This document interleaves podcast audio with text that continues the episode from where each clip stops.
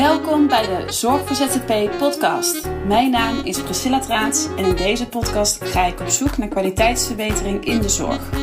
Dit doe ik door in gesprek te gaan met mensen uit de zorg, die als zelfstandige werkzaam zijn in verschillende branches.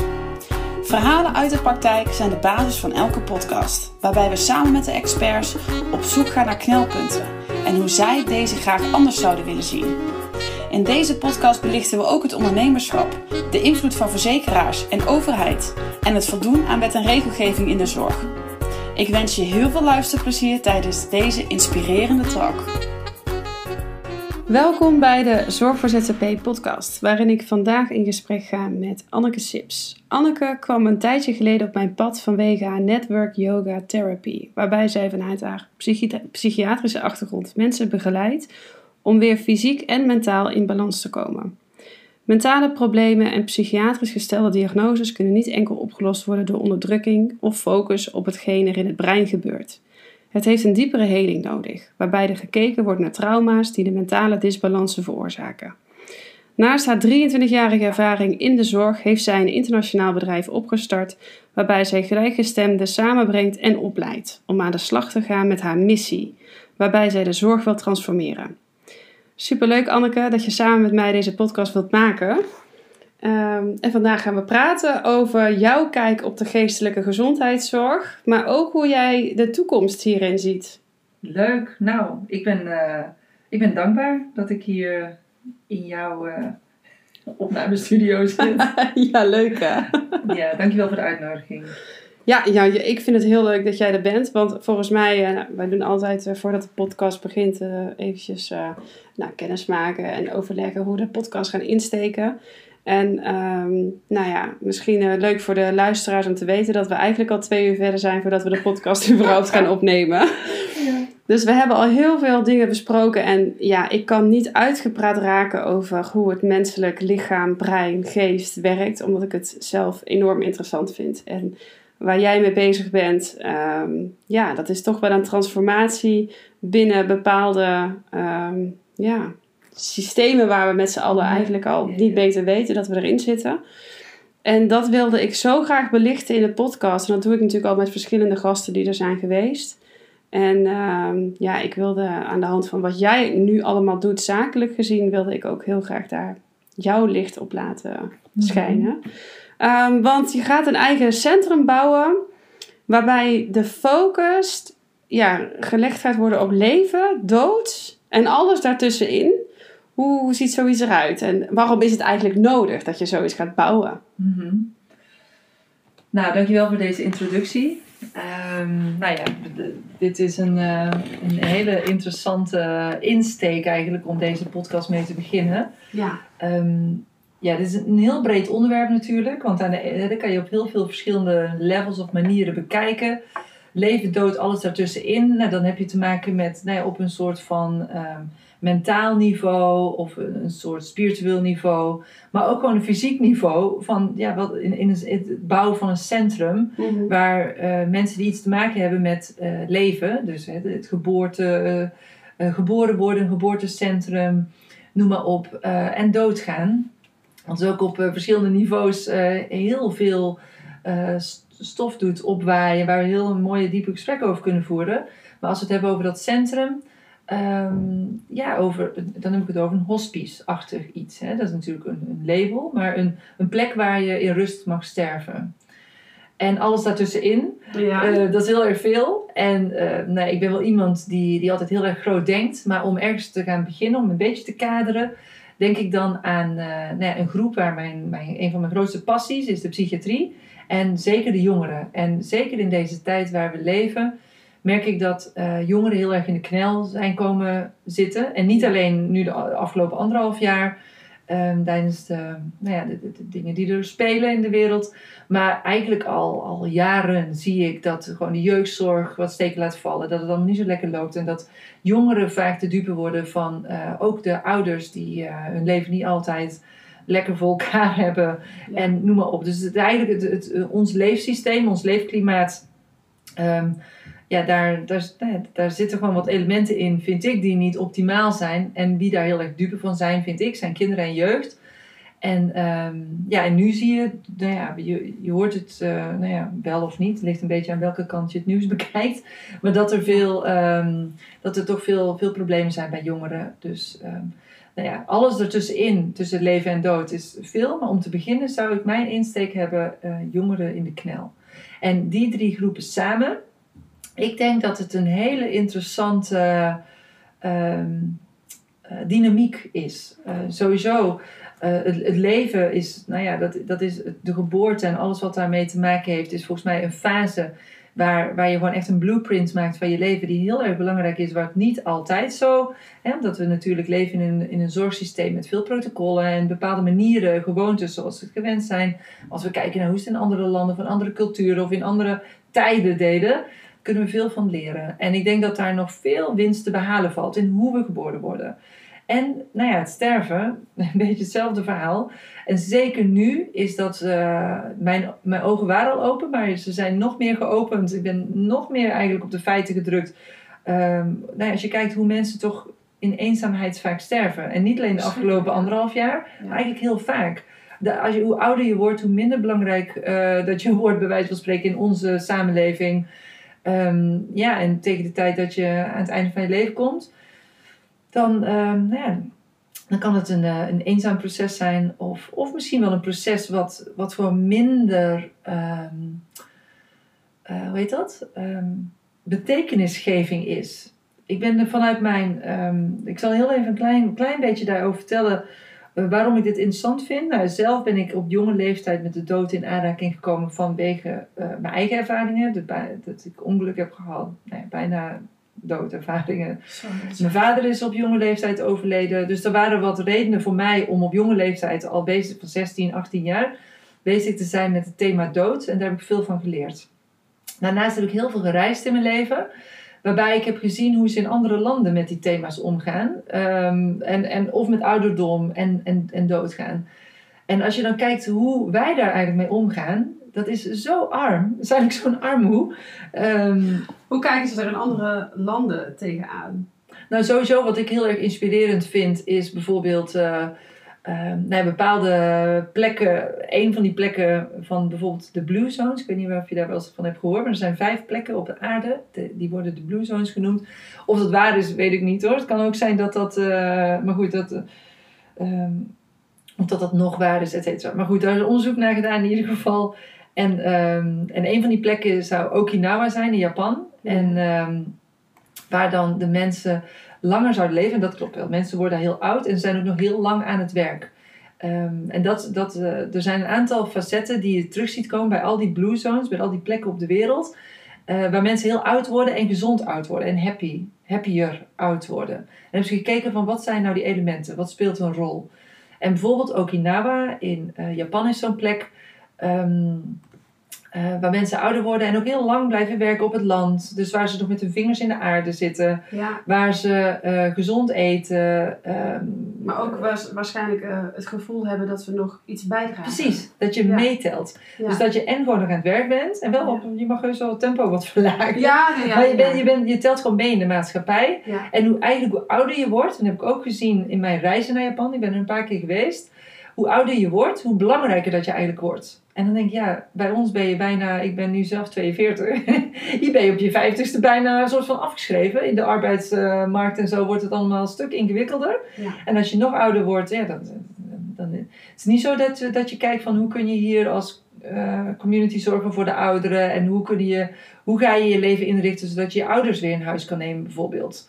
Toch zie je, dat zie je in Nederland op een gegeven moment, dat kostenoogpunt. Ja. Wij hebben, alles wordt bij ons in onze maatschappij, westerse maatschappij, gekoppeld aan tijd en geld. En dat is misschien in die landen uh, dat ze dat wat, wat meer uh, los kunnen laten dan dat wij dat in het Westen kunnen ons leven en alles, alles waar, waar we in leven wordt ook steeds duurder. Mm-hmm. Um, nou, dat zie je bijvoorbeeld ook bij de zorg, want overal wordt op bezuinigd. Op, op het moment dan eventjes niet, uh, hè, in de tijd waar we nu in leven, maar normaal gesproken is er in de zorg extreem veel bezuinigd. En ik zie om me heen steeds meer mensen die uh, uh, grotere woningen kopen en die hun ouders weer terug in huis nemen. Mm. Alleen het wordt altijd inderdaad wel beschouwd als een soort van nou ja, last is misschien een groot woord, maar uh, ja, het wordt wel gezien als een opgave. Het wordt ook benoemd, hè, bij mantelzorgen. Ik zorg nu voor mijn ouders. Ja. Uh, Wat eigenlijk heel normaal is. Ik bedoel, die ouders die hebben hun hele leven Ja. voor jou gezorgd. Maar dan wordt ook Ja. niks meer samen dan dus gedaan. Dus Ja. jij zorgt voor, maar waarschijnlijk doen die ouders dan ook wel weer iets voor jou. Of, en, en ik heb ook wel eens begrepen altijd dat ehm, opa's en oma's, als ze heel veel tijd met hun kleinkinderen doorbrengen, dat ze eigenlijk langer fit blijven. Hmm. Het is natuurlijk ook best wel vreemd dat je, eh, je gaat naar school en je moet dan heel lang studeren om een goede baan te krijgen. Dat is een beetje het, hè, het perspectief wat je geschetst wordt. En dan ga je werken en dan mag je met pensioen. En dan hoef je in één keer niks meer te doen. En, en wat ga je dan doen? Want je hebt eigenlijk nooit geleerd te leven. Mhm. Je hebt altijd gewerkt. En ineens Ja. heb je elke maand een salaris. En ben je misschien niet meer fit. Want we worden wel steeds ouder, maar we worden ook steeds zieker. Mhm. Dus op het moment dat we de tijd hebben eigenlijk om te gaan leven, sterven we. Want, want heel veel mensen gaan ook dood rond hun pensioen. Of halen hun pensioen niet eens. En, of ze worden heel ziek oud. Mhm. En wat jij net benoemt... Of eenzaam. Of eenzaam, ja. Ja, ja. Dan weet ik niet altijd of dat per se nadelig is. Ja. Ehm, maar dat, ja, dat is misschien ook... Ja, dat, dat kan ik niet beoordelen. Maar dat mensen wel steeds zieker oud worden. Chronisch zieken. Je bent eh, in Nederland is gemiddeld 35 zijn mensen al dat ze Mm. chronisch ziek worden. Dan hebben we het over cholesterol wat er vaak gedaan wordt. En heel veel Ja, andere ja. diabetes, dat soort dingen. Maar mensen worden steeds ouder, steeds zieker. We, zijn, we gaan steeds gehaaster leven. En de WHO heeft laatst eh, naar buiten gebracht dat in 2035 de grootste disbalans ever eh, is ontstaan. Onze mentale disbalansen worden steeds groter, waardoor we steeds meer te maken krijgen bij geestesziektes. Hmm. Zeker, ja. Maar dat, ja, dus, dat, nee, dat is wel een, eh, dat is een feit. Dat kunnen we gewoon om ons heen zien natuurlijk. Ja. Wat, eh, wat we zien gebeuren. Hoewel natuurlijk bepaalde zaken en bepaalde stressoren er ook wel altijd zijn geweest. Maar we zien wel dat er nu, nee, dat het een beetje eh, aan het overlopen is, zeg maar. Ja. Ook nou ja, de hele digitale wereld meegenomen. En de snelheid waarin alles gaat. ehm, ja. Maar goed, dus nou ja, even terugkomend op die, nou ja, die drie dingen. Ja. Dus dat, eh, dat geboortecentrum, iets wat met de dood te maken heeft, een hospice. En de eh, nou ja, chronisch, chronisch zieken, maar ook eh, het, het sterven. Hoe kan, je, ja, en hoe kan je betekenis vinden in het leven om rustig te kunnen sterven? Dus ik denk dat het sterven niet alleen maar te maken heeft met die laatste fase, maar dat het te maken heeft met die hele fase. Dus je moet het eigenlijk meer zien als een, gewoon een cirkeltje, eigenlijk de circle of Een life. holistisch principe van een- zorg. Totaal. Het is een holistisch eh, principe van zorg. Maar het is eigenlijk zelfs een holistisch principe van leven. Ja. Dus dat, dan ga je nog een stapje terug. Dus dan haal je zelf het woordje zorg eraf. Gewoon een holistisch principe het, ja, Van van, leven. van het leven. Ja. Dus gewoon eigenlijk leven. Want als je niks doet, dan gebeurt het al. Als, als je het leven loslaat, dan, dan is er een holistisch pr- principe aan de gang. Ja. Alleen dat vinden we soms eh, dus wat lastig om te zien of te herkennen. ehm, of te herinneren. Hè, zo kan je het ook zien. Van wat, wat is dat dan? Dus wat, waar het eigenlijk over gaat, is over het leven zelf. Maar goed, als ik zeg van ik wil een centrum maken en het gaat over het leven zelf. Nee, je kan je voorstellen, de alle vaagheid eh, op een stokje. dat Niemand gaat, weet hoe, wat, gaat niemand ik begrijpen. jou. Ja. ja, dat gaat niemand begrijpen. Dus dat je een bepaalde kader schetst van, nou, wat, wat gebeurt hier dan? Ehm, ja, dus dat, dit zijn de kaders die ik daarin wil schetsen. En waar ik vooral eh, veel ervaring en eh, expertise heb de psychiatrie. Omdat ik daar lang, eh, nou ja, lang in werk. Eerst als verpleegkundige, gewoon verpleegkundige. op allerlei afdelingen, maar vooral veel met kinderen en jeugd en adolescenten gewerkt. Eerste psychoses, naar allerlei problematiek. Vooral complexe problematiek. Eh, daarna ben ik SPV'er geworden. Dat is een sociaal-psychiatrisch verpleegkundige. En de sociale psychiatrie is wat mij betreft, eh, nou ja, een van de mooiste vormen van hoe je in, op de reguliere manier psychiatrie kan bedrijven. Hoewel de sociale psychiatrie helaas dus aan het uitsterven is. Want de sociale Ja. psychiatrie is een iets. En dat is, nou ja, dat, zo ben ik opgeleid, gewoon op de Universiteit van Amsterdam, of de, sorry, de Hogeschool van Amsterdam. Ja. Ehm, de HVA, een opleiding, was niet gesubsidieerd. Want het was altijd al eh, wel een beetje een vreemde eend in de bijt. Maar het was wel een, een hele populaire opleiding. Op een gegeven moment hadden we heel veel SPV'en. En we, nou ja, we hadden heel veel sociale psychiatrie in Nederland. En wat zie je dan? Dat mensen nou ja, allerlei projecten eh, ontstonden daar dat mensen bijvoorbeeld eh, huizen kregen, Housing First. En nou, allerlei supermooie projecten die daarmee samenhangen om daklozen te, eh, weer oh, nou eigenlijk eh, te helpen en steunen. Nou ja, allerlei andere eh, gemarginaliseerde groepen, laat maar zeggen, in de steden, in de dorpen. Vooral in de steden heel erg. Ehm, maar doordat nou, daarop bezuinigd werd en eigenlijk die opleiding niet meer werd aangeboden, is ook de sociale psychiatrie en dat hele holistische beeld ook weer weggeëpt. Of dat is nu aan, eigenlijk aan het gebeuren. Ehm, en dat zie ik namelijk, want dat ben ik zelf. Maar op, voor mij op zich niet zo'n probleem, omdat ik voor, als ZZP'er zeg maar, op, een, op mijn eigen manier eh, nou ja, te werk ben gegaan. Maar als SPV'er krijg je het niet moeilijk. Dan moet je een keuze gaan maken van je moet toch weer gaan verder studeren om op een andere manier eh, in het werk te kunnen staan. En dat holistische, dat vergaat een beetje. Dat Dus moet je dan wel weer loslaten. moet je wel weer loslaten. En dat wil ik heel graag terugbrengen. Dus die eh, zienswijze. En dat is dus niet alleen maar eh, sociale psychiatrie zoals ik dat geleerd heb. Maar ook zou ik daar heel erg het, eh, het andere waar mijn passie ligt bij brengen. Dat is yoga en yogatherapie. Wat ook veel breder is dan wat je alleen maar denkt. eh, de yoga die je ziet in de yogaschool. Eh, dat Maar is- Voordat we naar de, Ja. de, de toekomstvisie, ja? Ja. Er is ooit een moment geweest dat jij voor de psychiatrie hebt gekozen. Ja. Je dacht, ik ga die opleiding doen. Wat verwachtte je van jouw werk, wat je zou gaan krijgen na je opleiding? En Mhm. is er niet uitgekomen? Want jij wil iets anders. Jij wil het anders doen. En dat, dat, dat is op een moment waarschijnlijk zo gegroeid. Maar kun je, kun je ons meenemen naar... Jij wilde die opleiding gaan doen en met, met, met- dan ga je erin werken. Zijn de verwachtingen waarge, waargemaakt? Ja. Nou, ik begon op mijn achttiende in de, als verpleegkundige. Ben ik de verpleegkundige opleiding gaan doen. Eerst krijg je dan een stukje theorie en dan ga je vrij snel werken in de praktijk. Ehm, en ik weet nog heel goed eh, mijn eerste stageplek. En dan kreeg je eerst een snuffelstage. Dan mocht je niks doen. Mocht je alleen maar kijken, een weekje of zo. Weet ik niet meer precies. Maar ik was dus 18, 19. En ik mocht op een ouderenafdeling meekijken. Eh, en wat ik nog zo goed kan herinneren. Ik kan me nog heel veel dingen herinneren hoor. Maar één ding wat ik me nog heel goed kan herinneren is dat een mevrouw. En zij eh, ze had kanker, weet ik ook. En ze had ook een, een eh, psychiatrisch eh, stoornis. Ik weet nu even niet meer precies wat haar diagnoses en zo allemaal waren. Doet er verder ook niet toe. Maar zij zat daar en ze was oud. En ze had ook kanker. Ze was heel verzwakt fysiek. En ehm, een van mijn collega's daar, iemand die, die, die mij dit vak ging leren, die ging als een razende wervelwind over die afdeling. De mensen moesten uit en eh, wc-ronden en aankleden en aan tafel. En ik weet nog dat hij zei, zo mevrouw, hup, hup, hup, u wilt vandaag niet eten? En nou ja, dan niet. En door naar de volgende. En ik zat daar zo bij van, oh wauw, wat, eh, wat gebeurt hier? Ehm, en ik mocht niks doen eigenlijk, maar nou ja, hij was gevlogen. Hij was iemand anders uit bed halen of zo. Dus toen ben ik eh, dat bordje pap van haar, in plaats van die grote lepel, heb ik een klein theelepeltje gepakt. Heb ik gedacht van, nou kom mevrouw, ik probeer het wel met een theelepeltje. En heb ik dat hele bakje pap er eigenlijk in, in gekregen. En dacht ik, oh, ah, die snelheid, dat vind ik wel interessant, wat hier, wat hier zo gebeurt. Oké, u wilt niet eten. Ik wil graag eten. Maar goed, was jong en onbezonnen. Ik wist het allemaal nog niet zo goed. Maar dat soort dingen zijn wel bijgebleven. Sowieso was ik altijd super nieuwsgierig gewoon naar de psyche van de mens. En de, de, de, ook de, de gekheid en de, het, het, de, de dimensies tussen normaal en gekte. En wat is normaal, wat is gek. En dat vond ik altijd al heel erg interessant. Ja. En vooral die, die scheidslijn daartussen. Nou ja, wanneer ben je normaal en wanneer ben je gek? Dat is, dat is ergens ooit in een norm bepaald.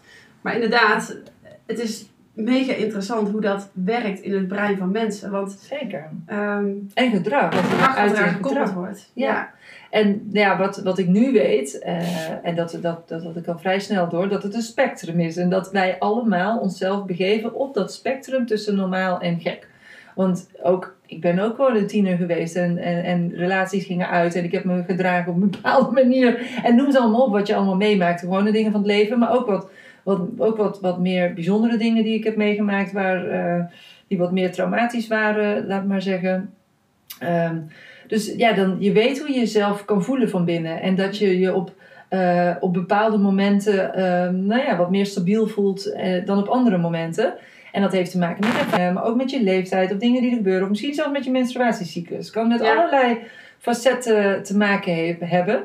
Dus ik had al vrij snel door, eigenlijk ben ik af en toe veel gekker dan wat ik hier zie. Of, hé, hey, dit is, weet je wel, dus als je jong bent en zeker in zo'n omgeving aan het werk, dan ga je daarvan leren. En dan leer je, nou ja, dan leer je bepaalde dingen een plek te geven voor jezelf en de wereld om je heen. En eh, ik had al vrij snel door. En eh, ik merkte wel dat dat wel soms wel lastig was. Om, eh, want, want er is een bepaalde hiërarchie waar jij zeg maar het weet en jij normaal bent. En de mensen die zijn opgenomen het moeten leren van jou, omdat jij de expert hebt en zij niet normaal zijn, zeg maar. Ja. Dus je hebt toch wel een soort van verstandhouding van nou, wij zijn de experts, dit is wat we hebben geleerd, het onderzoek zegt dit, deze medicijnen gelden daarvoor, dit gedrag wat wij zien betekent dit en dat. Dus wij zijn heel erg bezig met betekenisgeving, het, het nou ja, beoordelen van een bepaalde situatie. Daar hangen we een label aan, een diagnose en er hoort een bepaalde eh, strategie bij, een, een behandeling, een medicatie Ja. en noem het maar op. En dat, dat, dat is dan zoals dat werkt. En als het dan niet werkt, nou, dan gaan we naar stap 2 in de strategie. Dat staat gewoon in de richtlijnen zoals we ongeveer moeten werken. Dus iedereen werkt ongeveer zo. De richtlijnen zijn daar in Nederlandse richtlijnen ehm gerelateerd aan de internationale richtlijnen, onderzoek wat er wordt gedaan. En dan af en toe verandert er eens wat. Hè? We hebben in Nederland gebruiken we DSM, dat is een Ja. handboek. En daar, nou ja, dat, dat handboek, eh, dat, eh, wat mij betreft, mag het eh, per gisteren verboden worden. Weet je wat ik zo grappig vind? Dat alle, alle gesprekken die ik voer met mensen die dus met, met die handboeken moeten werken, allemaal zeggen: van mij mag het handboek per direct de prullenbak in. Ja, Maar toch is dat handboek er. Ja. Ehm, en, en, en we hebben het er voor de podcast ook wel een beetje over gehad. Want ik denk dat heel veel vragen gesteld moeten worden. En dan moeten we gewoon beginnen met waarom. ja zeker. Want waarom is die gezondheidszorg zo ingericht? En Ja, en ook wel een interessante vraag, waarom stel je die vraag? Nou, ik vind het, Ja. kijk, jij, jij, eh, de reden dat, dat ik jou natuurlijk heb uitgenodigd is omdat heel veel mensen mij ook mailtjes sturen van ik wil loskomen van de verzekeraars. Ik wil het anders doen. Ik wil het ook zelf doen. Maar hoe? Ik weet niet Ja. waar ik moet beginnen. Ik weet niet of ik het kan. Ik weet niet of ik het wel durf. Misschien moet ik het Mhm. met mensen samen doen. En wat heel veel mensen doen, is hun heil zoeken binnen bestaande organisaties. En dan Mhm. hebben we natuurlijk in Nederland heb je de GGZ, maar ook gewoon de normale hè, de geestelijke gezondheidszorg. Maar nou, je hebt natuurlijk de, de eh, verschillende soorten van eh, psychische begeleiding, mentale ondersteuning. Maar dat is allemaal binnen ons huidige zorgstelsel zoals wij het kennen. Met de financieringen daarvan en de belangen die daarbij horen. En de protocollen en de richtlijnen die allemaal staan. Dus als we dan hè, gaan kijken naar mensen zoals jij. Jij hebt in dat systeem gewerkt. En dat systeem paste jou duidelijk niet. Maar dat Mhm. systeem past ook heel veel mensen niet die daar behandeld worden. Hmm. En ik denk dat we op dit moment ook op een soort van punt staan dat mensen dat wel begrijpen. Van wat gebeurt er dan eigenlijk daar? Wat, ja, wat niet optimaal is. Kijk, ik Mhm. vind het eh, belangrijk om te weten dat niet alles is goed of slecht. Nee, nee, nee. nee. Maar we, de mens heeft steeds meer te verduren gekregen in de maatschappij waarin we onszelf hebben ontwikkeld. Dus daarom hebben we ook steeds meer mentale issues. Eh, Het heeft helemaal niks te maken met of mensen nou wel of geen diagnose hebben. Nee, Mentale disbalans heeft, Iedereen. Dat is- hoort bij het leven. dat hoort Ja. bij het leven. Ja. Bij de ene gaat dat wat extremer. Dan hebben ze hulp en begeleiding nodig. En bij de andere nou, fietst er nog enigszins doorheen. Of, maar ehm, Dat is dat spectrum wat ik net aangaf. Ja, we zitten allemaal tussen dat spectrum en wij Ja. bewegen onszelf. Ja. Soms gaat het wat beter en soms wat minder goed. Ja. Ja. Maar als we gaan kijken naar dat dat systeem jaren geleden ontwikkeld is met daarbij, ik hoef ook niet onder stoelen of banken te steken, het belang van de farmaceutische industrie. Want veel geestelijke gezondheidsorganisaties zijn gericht op het toedienen en voorschrijven van medicatie. Dit is En- standaard. ja, dat is, Ja, nee, ja. maar goed. Ik, We eh, kunnen hier ik, gewoon niet ik heb wel, ik wel recht van spreken na 23 jaar. Ja, En je bent een verpleegkundige en je wilt niet weten hoeveel pilletjes ik in mijn leven in mijn handen heb gehad. Nou, ik, heb ook, ik ben ook echt geschrokken als ik met verpleegkundigen praat, psychiatrische verpleegkundigen, die niet weten wat er in de medicatie zitten. Maar waarbij ook echt duidelijk aangegeven is, ik moet het ene medicatietje geven aan die patiënt. En dan krijgen ze bijwerkingen. En daar heb ik ook een pil voor. En die geeft ook weer bijwerkingen. Dan heb Ja, ik ook een pil. En op een gegeven moment zit iemand gewoon aan vijf pillen. om Per eigenlijk dagdeel. per, ja, per dagdeel. Ja. ehm, om, om de bijwerkingen van de bijwerkingen van de bijwerkingen te onderdrukken. Zeker. En dan horen we aan de andere kant dat de zorg eh, steeds duurder wordt. Ja. Eh, maar Het is een verouderd systeem. ja, Het past is een verouderd systeem, het past niet meer. En dat is ook wat we, wat we natuurlijk zien. Want als je, je, je ziet gewoon al, al jarenlang eigenlijk dat het gewoon uit de voegen groeit. Het wil, de, de, de natuur, die, die, die, die, ja, die neemt het toch altijd op een, een of andere manier over. Ja. Ik ben heel erg beeldend hoor, want ik zie het dan een soort van een, een bonusstruik die groeit en groeit. En op een gegeven Het moment dan, ontploft. het ontploft. Of die, Ja. die wortels van die boom, die gaan toch onder het cement door of zo. Je kan Ja. proberen om dat dicht te timmeren en dicht te, te, te lijmen. Maar uiteindelijk dan, dan, dan werkt het gewoon niet meer. En dan, dan, nou ja, dan kan je zeggen van ik, ik hak hem om. Maar je kan ook zeggen van oh, maar kunnen we niet stilstaan en van wat, wat, wat nu? Hè? Wat, Ja. gaan, wat gaan we Nou, nu wat doen? is er nodig? Wat is er nodig? En dat vind ik, dat vind ik gewoon heel erg belangrijk. Om daarbij stil te staan. Om, ja, dat is. Om even stil te staan. En om niet alleen maar vingers te wijzen van het is allemaal verkeerd of dit is allemaal goed. Want daar, daar geloof ik ook niet in. Nee. Maar ik denk dat het wel een, eh, een, een zeer geschikt moment is om eens stil te gaan reflecteren. Ja. En echt reflecteren. En echt te, te raden gaan bij jezelf als persoon, als individu, als zorgverlener. Maar ook bij jezelf als leidinggevende, als organisatie, als zorgstelsel, als land, als community, noem maar op. Van wie ben ik en waar sta ik nu? En hoe, hoe gaat dat? En wat hebben we nu nodig? Want we kunnen wel door blijven racen en we kunnen er nog wel een laagje cement overheen gooien. En we kunnen er nog wel een laagje pillen overheen gooien. Of in de, als je het nou met de natuur vergelijkt, nog een laagje fertilizer eroverheen gooien. Ja. Dan nog een ander spulletje eroverheen om het plantje weer te laten groeien. Het zinkt in de grond, de aarde doet het niet meer. En dan weer een nieuw spulletje erop, zodat je het wel weer gaat doen. Ja. Wat, wat zijn we in hemelsnaam aan het doen? Dit is zo ontzettend vermoeiend. Stop. ja. Pauze. Maar ik heb ook het idee dat we een soort van reset aan het doormaken zijn. Omdat de bedoeling is dat we ook gewoon tot stilstand gebracht worden. Ja. Die, eh, we hebben daar een heel mooi woord voor tegenwoordig, lockdown. Waarbij mensen dus ook echt letterlijk gewoon even niet mogen kunnen werken. Ehm, en dat is natuurlijk aan de ene kant super vervelend. Maar aan de andere kant brengt het ook een stukje bewustwording met zich mee. Want mensen gaan in tijden dat ze gewoon tijd hebben, ja, toch vragen stellen. Van wat gebeurt er eigenlijk allemaal? Wil ik dit leven eigenlijk nog wel? Vind ik mijn werk nog leuk? Nou, eh, eh, Mhm. het, het ontwaakt ook een stukje bewustzijn. Maar bij jou is dat al eerder gebeurd. Want jij Mhm. hebt een, een, een, een bedrijf opgericht. En je bent eigenlijk uit nou ja, het, het reg- reguliere geestelijke gezondheidssysteem gestapt. Want dat paste jou ja, duidelijk niet meer. Want het moest anders. Nou, wel eh, recent, was recent, wel, maar- recent pas, hè, dat ik er helemaal, eigenlijk helemaal uitgestapt ben. Ehm, maar ook niet zozeer van ik moet daar helemaal uitstappen. Want dat, nou ja, maar dat, dat is zo, nou ja, zo gelopen. Het, was, het is goed hoor. Maar ik ben ehm, in, ehm, even kijken hoor, het is nu 21. Een jaar of vijf geleden denk ik. Toen ben ik als ZZP'er gaan werken. Dus dat was al, eh, nou ja, dan, dan ben je zelfstandig. Dus dan is het al best wel een grote stap. Ja. Dus dat betekent dat ik uit de grote organisaties wegging naar kleinere GGZ-organisaties. En dat was al een hele, eh, nou ja, verademing moet ik zeggen. Letterlijk. Dat was ook jouw doel toen Ja. jij ZZP'er werd. Jij wilde Ja, uit ja, die ik wilde uit die grotere organisaties.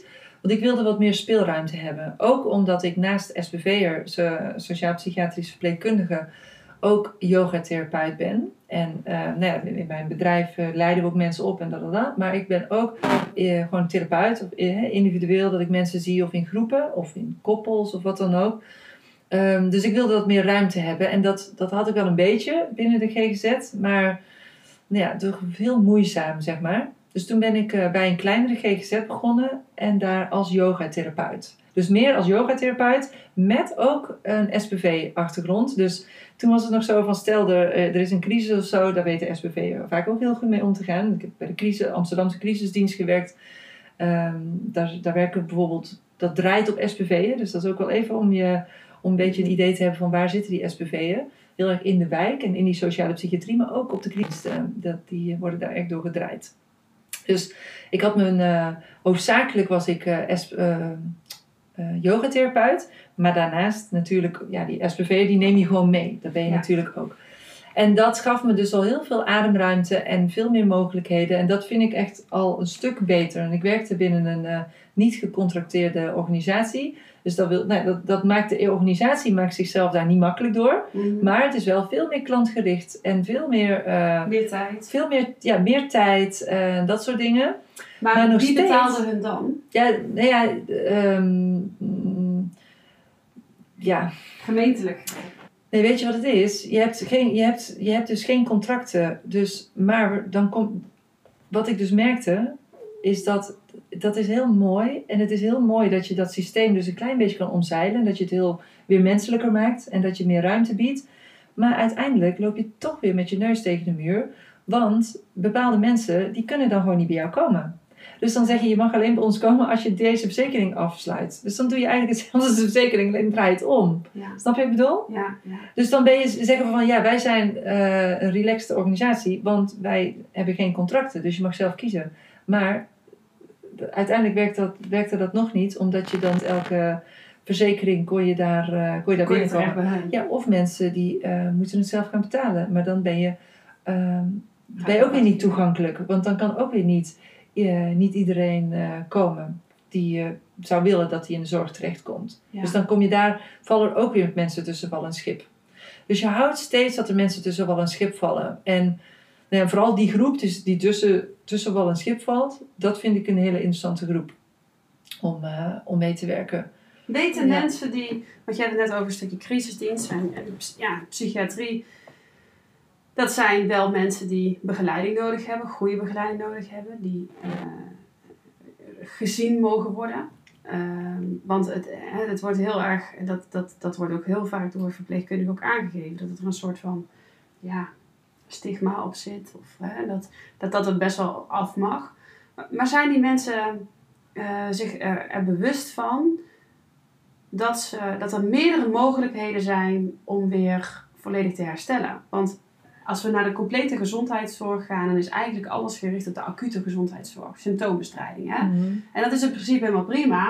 Als jij een been breekt, ehm, dan is het best wel handig dat er een chirurg paraat staat die dat voor jou kan herstellen. Of als je een snee in je been hebt, gehecht kan worden. Dat hield natuurlijk ook wel vanuit zichzelf, maar het is iets mooier als het weer Mhm. netjes dicht, eh, dichtgemaakt worden. Even een voorbeeld. Maar mentale onderdelen is natuurlijk veel minder zichtbaar. Mhm. En er zit best wel een soort van beeld op. Waar Veel. mensen... Er is een groot stigma. En zeker, Ja, zeker ook voor zichzelf natuurlijk. Ja, ja, zelfstigma is een groot probleem. En ik merk dat er vooral ook vanuit binnen de GGZ heel erg gestigmatiseerd wordt. Hoe kan dat? Want Ja, als ik jou hoor praten, ik heb gekozen voor de psychiatrie. En dat hoor ik van meerdere mensen. Is omdat ze echt, echt die mensen willen helpen. En dan kom je bij een grote GGZ en dan heb je eigenlijk binnen die bedrijven al heel veel ja, moeilijkheden waar je tegenaan loopt. Maar dat gaat over eh, twee dingen. Dat gaat als, als ik als persoon naar mezelf kijk, zelfontplooiing, zelfontwikkeling. En hoe, is, hoe kijk ik tegen de wereld en tegen andere mensen aan. Dus dat is een, eh, nou ja, een persoonlijke vraag, misschien een filosofische vraag of een ethische vraag. Nou, wat, wat vind ik dat mag en wat niet mag in de wereld? Wat vind ik waar, wat vind ik niet waar? Eh, hoe ver mogen mensen gaan? Hoeveel ruimte mag iemand hebben binnen zo'n maatschappij? En, maar goed, die vragen daar, die, die worden aan mij nooit gesteld. Ik ben religieus opgevoed en daar begint het al een beetje, mijn, mijn persoonlijk verhaaltje. Daar werd mij gezegd hoe ik moet denken en waar ik in moet geloven.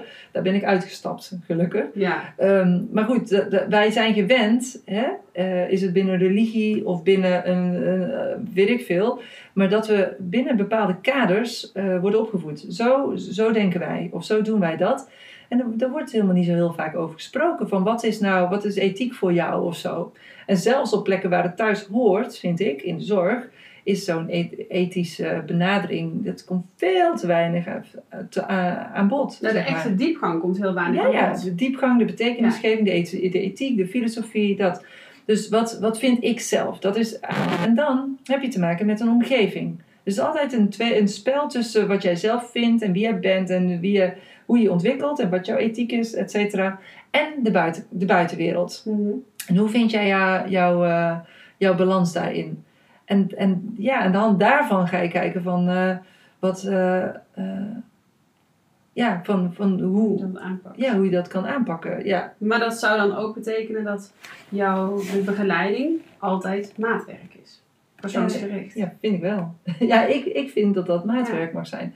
En waar we dus mee te maken hebben zijn eh, protocollen en, eh, en regels en wet en regelgeving. Ook belangrijk is, want kaders die scheppen ook wel weer een, een duidelijkheid, een helderheid. Eh, we, we begrijpen elkaar. hè? we- die regels zijn er ook niet voor niks. Het houdt het ook veilig. Veiligheid is het allerbelangrijkste. Want als je aan herstel wil werken, dan is veiligheid het allerbelangrijkste. Maar veiligheid betekent ook heel veel dingen. En hoe kan je maatwerk bieden eh, en veiligheid bieden en, en kaders tegelijkertijd? En hoe vind je dat? Ja, en dat is, dat is de clue. En dat is niet per se makkelijk.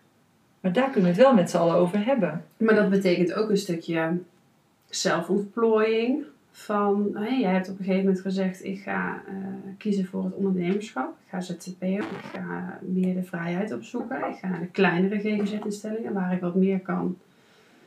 Ja, meer de, de kaders, de, de randen van de kaders kan opzoeken. Want dat vind ik ook altijd wel bijzonder. En de zorg is dat heel veel eh, zorgverleners, artsen ook, zich verschuilen achter, ja, het is protocol. Maar er staat ook heel duidelijk overal beschreven dat een protocol er is als een richtlijn en dat er ten alle tijde afgeweken mag worden van een protocol. Zeker. Mits jij dit kan onderbouwen. Zeker. En dat is wat ik altijd heb geleerd. En ook in de tijd dat ik eh, gewoon studenten begeleide en verpleegkundige studenten begeleide en zo, heb ik altijd gezegd: als jij iets gaat doen wat totaal anders is dan hoe ik het heb, of hoe we het hier doen, of hoe het in de richtlijnen staat, maar je hebt daar een hele goede reden voor en je kan het goed onderbouwen en dat, dat kan je uitleggen, kom maar op. Laat Ja. maar horen. Maar zo ontwikkelen we ook Ja, de maar, gezondheidszorg. Maar die ontwikkeling die lijkt volledig stil te staan.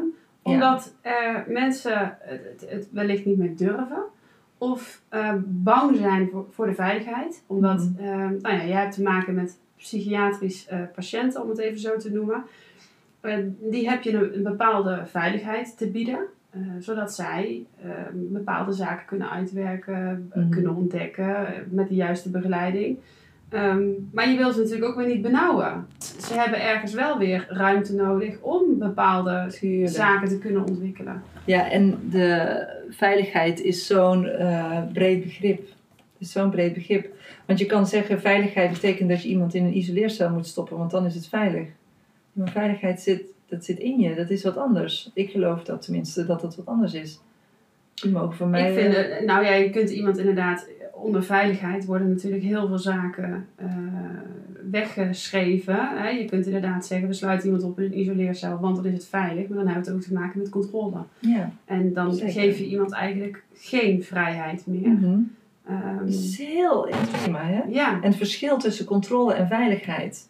nou En daar zit dat- denk ik ook het spanningsveld waar we in heel de maatschappij mee te Ja, maken hebben. Zeker. Heel veel zaken, als we gaan kijken naar, naar bijvoorbeeld, eh, nou in de gezondheidszorg merk je dat ook, maar ook gewoon buiten in de hele maatschappij. Alles wordt gegooid op een stukje veiligheid. Dit is Mhm. veiliger dan dat. Dit is veiliger dan dat. We worden continu bang gemaakt voor wat er wellicht zou kunnen gaan gebeuren. En dat Voor maakt het onveilige, het grote onveilige. het, wat grote onveilige. Maar wat is dat? Precies, maar daar hebben we het niet over. Nee. En, dat, en dat is iets, nou ja, jij, jij noemt nu de maatschappij als geheel in deze tijd. Het is niet, Daar- niet alleen de zorg. nee, nee, nee, is- precies, maar dat, dat zie ik ook. Ja. Maar dat zie je dus, dat zie je in allerlei situaties. Dat zie je in bepaalde gezinssituaties, dat zie je in de maatschappij, dat zie je in, in een GGZ. Maar waar, waar hebben we het over? En als je ervan uitgaat dat een, een, iemand met een psychose eh, die, die opgenomen is eh, en hard roept, dat hij dus onveilig is en dus moet opsluiten of Ja. zo. Ja. Ja, eh, maar, maar waar is dat op gebaseerd? En wat, ehm, ja, en gelukkig. eh, Hoe kijk jij daar zelf tegenaan? Want jij wil jouw eigen centrum bouwen waarin je mensen vanaf de geboorte Ja. en de dood en alles daartussenin, Ja, hè, ja. Die, die, die gaan naar jou komen. En, en wat jij ook zelf zegt, de mensen met aandoeningen of psychiatrische even tijdelijke problemen wellicht, wil je je echt focussen op ook jeugd. Omdat zij, Mhm. ehm, nou ja, zij stevenen echt wel af op een, op een maatschappij waarin ze zijn opgegroeid, waar de disbalans nog nooit zo groot is geweest als dat we die nu hebben. mhm. Ehm, hoe gaat dat eruit zien? En, Mm. en eh, hoe is jouw beeld daarbij? Want ik weet natuurlijk dat je nog niet alles uitgekristalliseerd hebt en dat dat natuurlijk gaandeweg zich Mm. steeds verder gaat ontplooien. Ja. Maar jouw visie op hoe je dat zou Wat, zou- wat zou dat ideaalbeeld, hoe ziet dat eruit? Nou, dat heeft heel veel te maken met eh, autonomie, verantwoordelijkheid, liefde, gezondheid. Ik denk als je een aantal elementen, als je de, vanuit, de, nou ja, vanuit de, de, de basis, zeg maar, een aantal elementen daarin toevoegt, dan ben je denk ik al 95% voor- oké. Want als ik eventjes ga schetsen waar we het net over hadden, want jij benoemt net liefde, Ja. veiligheid, vertrouwen, verantwoordelijkheid, autonomie. We doen eigenlijk compleet het tegenovergestelde volgens mij in de psychiatrie. Want iemand die wij, eh, die, die, eh, die geschetst wordt als zijnde onveilig, die wordt afgezonderd. Zonder Ja. menselijk contact. Onveilig, voelt zich misschien ook heel onveilig. En wil misschien, wil misschien ook wel eh, eh, wat, wat afstand nemen van andere mensen, want het kan ook onveilig zijn. Maar ik zou dat. Ik zou Maar wat dat, zou er eh, gebeuren als je voor iemand vertrouwen gaat geven? Nou, wat ik, wat, hoe ik dat zie, ik ben, ik ben als ik met, mijn, met mensen werk, dan heb ik het altijd over van oké, wat, wat heb jij nodig sowieso? Wat, wat, ja, wie, wie ben je? En wat, we, gaan, we gaan een relatie aan. We leren elkaar kennen. En wat, wat is er allemaal aan de hand? En eh, wat, wat heb je nodig? Ehm, en dan, dan, zou ik, dan zie ik graag dat die persoon, zeg maar, het punt is van zijn of haar eigen team. En wie, wie zijn er allemaal in jouw team? En wat, jij bent degene die daar verantwoordelijk ook voor is.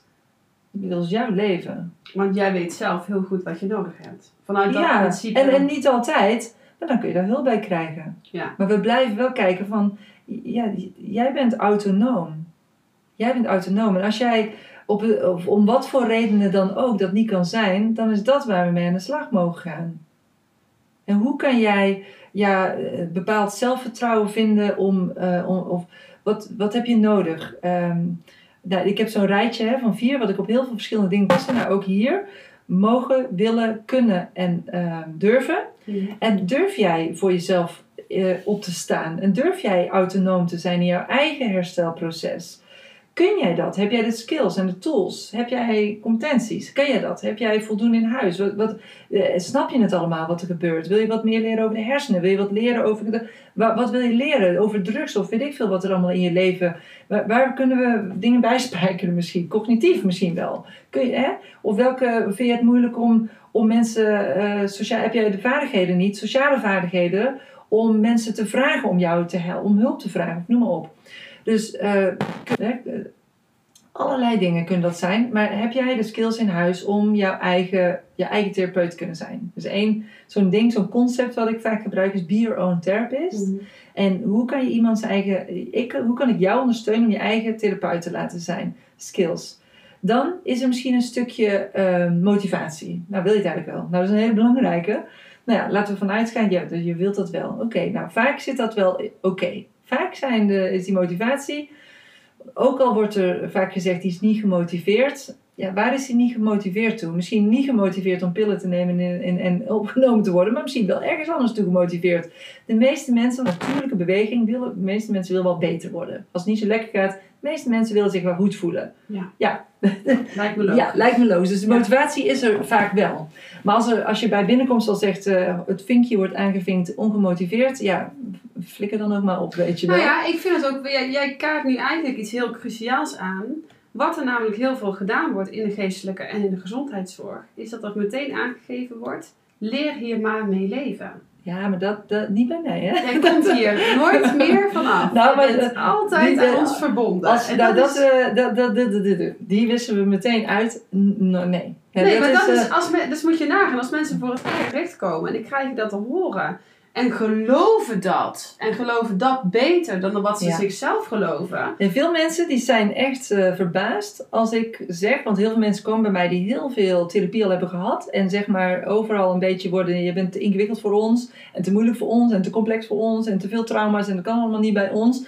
Dan komen ze bij mij. En dan zeg ik herstel is Kom mogelijk. Dan zeg ik herstel is mogelijk. Zeg ik, nou, hoe, Maar dat geeft iemand zo'n. Ik, ik, ik kan me daar helemaal eens bij voorstellen dat je gewoon al tien therapeuten hebt gehad die allemaal zeggen te moeilijk, te ingewikkeld. Ehm, ik ben wat dat betreft ontzettend eigenwijs. Dus ik zou dan meteen bij mezelf denken eh, van, nou ja, zullen ze, zullen ze waarschijnlijk niet zo'n hele goede therapeut zijn. Mhm. Maar oké, eh, het, het kan zo zijn dat, dat, misschien, dat je die pech hebt, dat je er net tien hebt getroffen die niet de ervaring hebben en niet het zelfvertrouwen hebben om jou te helen, omdat jouw Mhm. trauma's heftig zijn. Mhm. En dan kom je bij iemand en die zegt, herstel is mogelijk. Ja, Dan, dan, Ja. dan, dan voel je gewoon die opleving bij iemand van, zie je wel, ja. zie je wel, ook voor mij zijn er mogelijkheden. En tenminste, mensen die dat ergens diep van binnen toch nog een heel klein kiertje open hebben staan, die blijven hangen. En als je dat, kan ook zijn dat mensen zeggen van, nou ja, dit eh, dat is niet waar, weet je wel. Ik heb gewoon iemand nodig die mij pillen voorschrijft en ik word toch niet meer beter. Ja, dan moet je niet bij mij zijn. Ten eerste pillen voorschrijven. Maar goed, dan, dan, dan zijn we gewoon niet de beste match, denk ik. Of je komt later, als je dan misschien wel eh, het gevoel hebt dat je ergens wat optimisme nou ja, nodig hebt of van, vandaan hebt gehaald. Maar goed, eh, in ieder intrinsieke geval... motivatie is natuurlijk wel nodig. Ja, maar wat ik dus zeg, ik geloof dat die er is. Alleen, Altijd.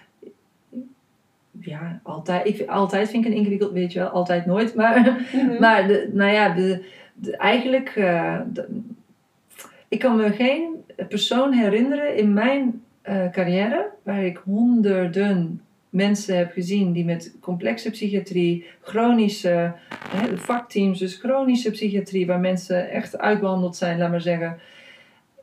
Ik, ik, ik vind meestal toch wel ergens een openingetje en een sparkje. Mhm. Ja, dus ik, ik geloof daar wel in. ja, ik geloof daar wel in. Ja, ik Ja. ook, maar ik vraag het aan Ja, jou. ja, ja, ja. Dus nou goed, dan heb je dus de, de, de skills en de motivatie, laten we zeggen. Die, die zijn er eigenlijk wel. Die- ja. ja, als we, hè, nou, anders dan kunnen we daar kijken eh, of die er zijn of dat je eventueel wat bij wil spijkeren. En dan zijn er nog twee.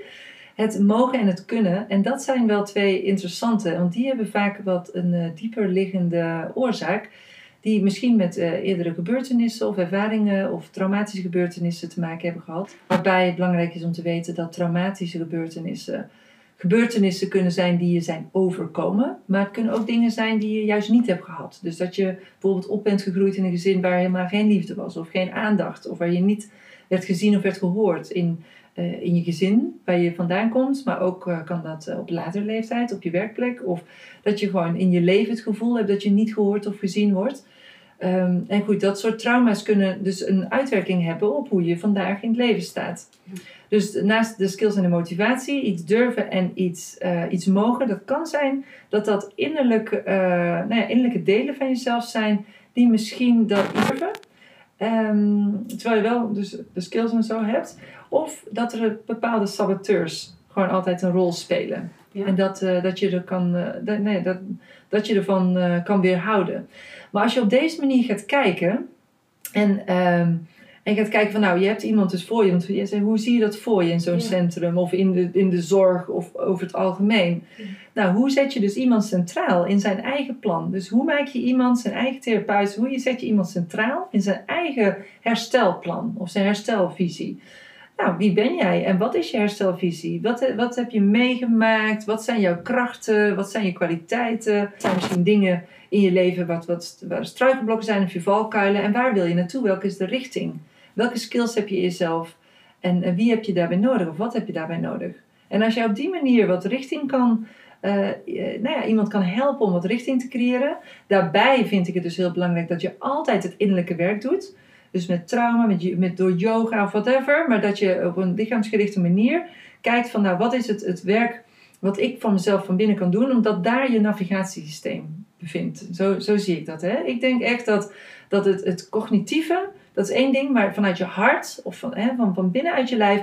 Daar, dat is jouw drive. Dat, dat stuurt je. Op een gegeven moment dan, dan weet je soms ook niet meer precies van waarom maak ik bepaalde keuzes. Hè, de, de afweging links of rechts zijn bijna Mhm. net zo zwaar.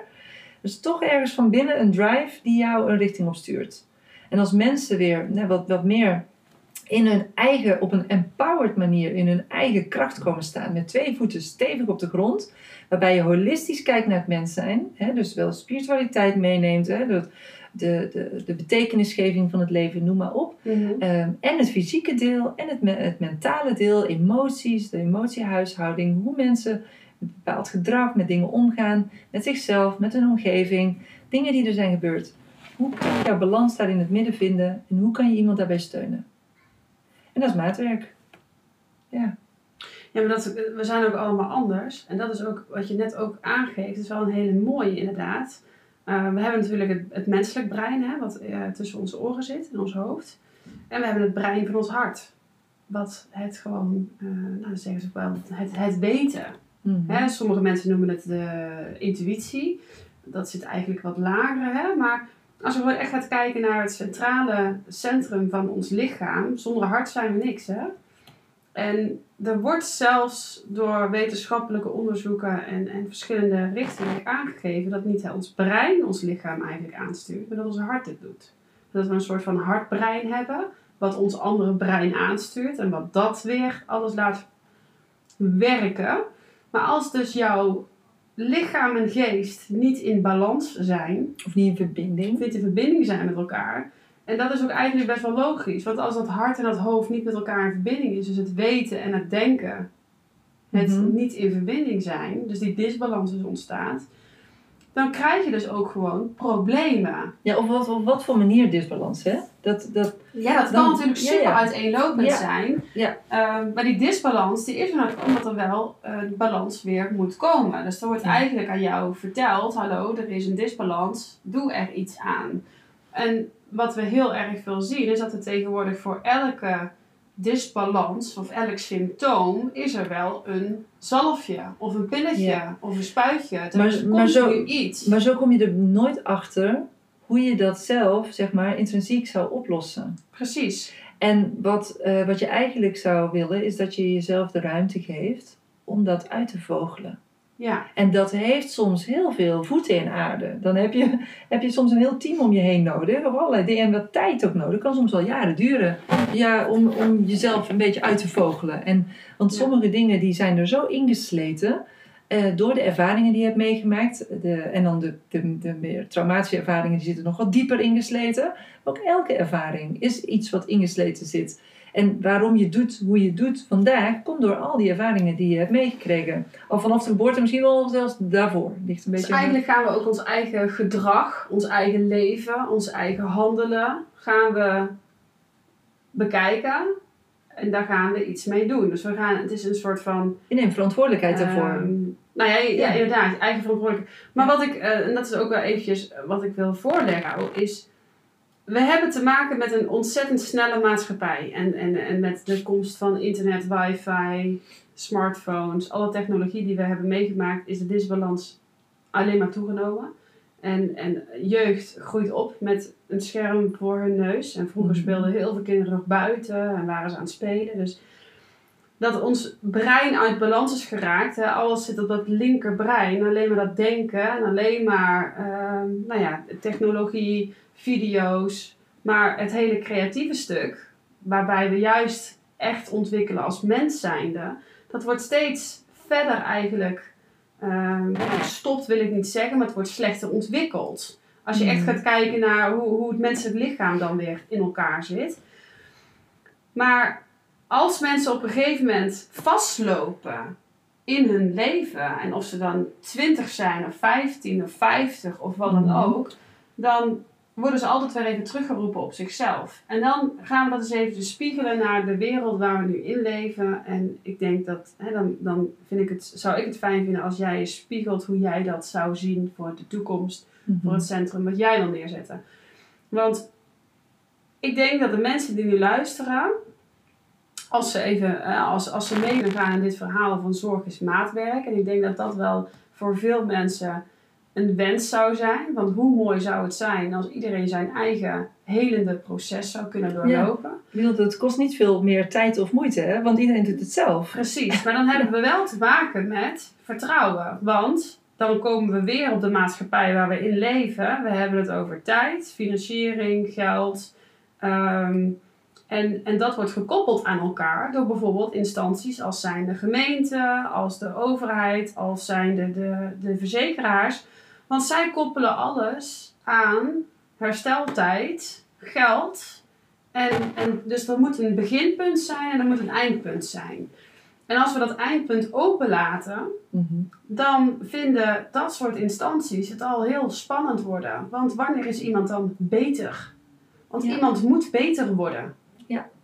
En Wat is dat dan voor... Want als wanneer ik zeg, iedereen beter? kan herstellen, dan heb je de volgende vraag, wat betekent herstel? Nou, daar kunnen we nog een hele Ja. andere podcast aan wijden, want wat is dat dan herstel? Dat is Precies. een goede vraag. Ja. Ja, En, en als zorg dan maatwerk is, dan, dan zou ik al meteen, hè, dan, dan krijg je dadelijk de zorgverzekeraars die dan zeggen, ja, maar dat is leuk, zorg is maatwerk. Maar dan zijn mensen dadelijk drie jaar lang bezig. ja En eh, of ze zijn hun hele leven zelf aan het ontwikkelen. Eh, wa- wanneer houdt onze uitkering dan Ja. op? Nou, dat klopt, meneer zorgverzekeraar. Dat klopt. De zoveel ruimte hebben mensen misschien nodig. Misschien de ene wat langer, de ander wat korter. Maar wij geloven dat dat elkaar opheft. Dat we op een mooi gemiddeld uitkomen. Ja. Daar heb je inderdaad wel vertrouwen voor nodig. En de tijd voor nodig om dat te, te gaan zien. U heeft dat vertrouwen en de tijd niet. Sorry, dan kunnen we niet met u samenwerken. Nou, precies. Dus. Maar dat is ook, ja, als je de video op mijn homepage bekijkt. Eh, zorgverzekeraars zullen daar misschien wat minder blij mee zijn. Maar ik ben groot voorstander van zoveel mogelijk eh, niet-acute zorg weg te halen bij zorgverzekeraars. Want onze premie gaat sowieso onbetaalbaar worden. In 2035 gaat die volgens mij 400 euro per maand kosten. Misschien al wel wat eerder. Ehm, dus zorg wordt ook onbetaalbaarder. En dat systeem staat, dat barst uit zijn voegen. Dus dat Ja. het anders moet, dat weten we allemaal inmiddels wel. Ehm, eh, en, zo niet, dan, dan weet je nu wanneer eh, die 400 euro per maand gaat ko- kosten.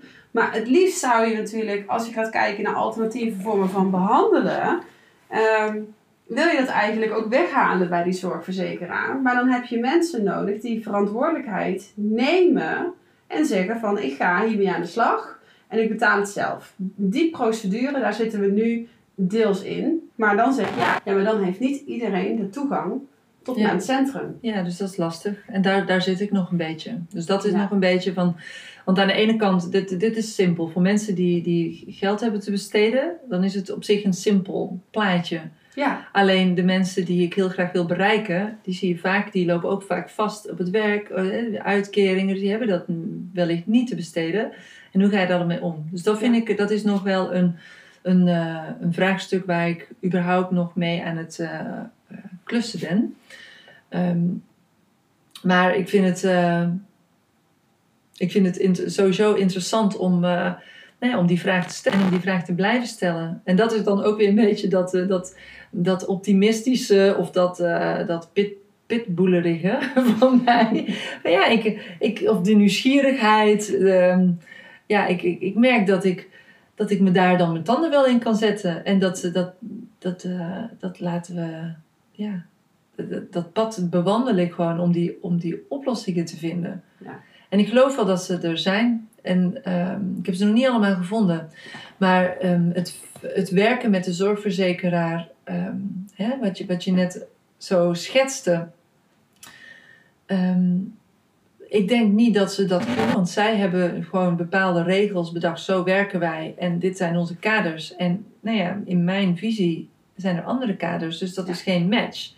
En dan zal er, zal er ook nog vast wel iets mogelijk zijn. Want ik weet dat met, met allerlei bedrijven kan je nog altijd wel wat eh, onder de tafel of boven de tafel Mhm. afspreken, negotiëren eh, of eh, bepaalde tussenwegen vinden.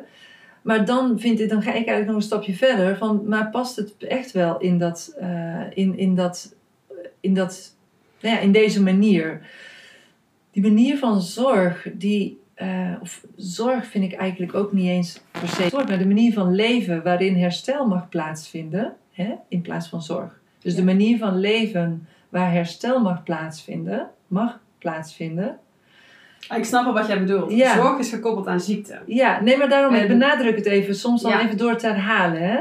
Dus de manier waarop herstel mag plaatsvinden, op die manier wil ik daar eigenlijk wel samenwerken met organisaties die eigenlijk in de, eh, in de core iets hebben zitten van we willen het eh, kaderen en meer vernauwen. En ik wil juist meer expansief zijn en meer ruimte geven. Ja. En dat voel ik, tenminste in al die 23 jaar, heb ik dat niet zo gevoeld. Ik heb het vaak gevoeld dat er, dat, dat er heel veel kaders zijn en die zijn altijd nauwer dan ik eigenlijk. Fijn vind. ja, ja. En ehm, dus wil, ik dat eigenlijk wel? Eh, of kan dat eigenlijk wel? Of, want, want, maar ja, nee, eigenlijk niet. Maar het gaat wel om het geld. Ja, maar is dat dan echt het uitgangspunt waar we naar moeten kijken? Kunnen we niet vanuit waarde gaan kijken dan alleen maar eh, vanuit het financiële plaatje? Of is het zo dat misschien dat hele financiële stuk dan ook bepaalde vraagtekens moet krijgen? Wat natuurlijk ook een thema is wat, eh, wat tegenwoordig hartstikke speelt.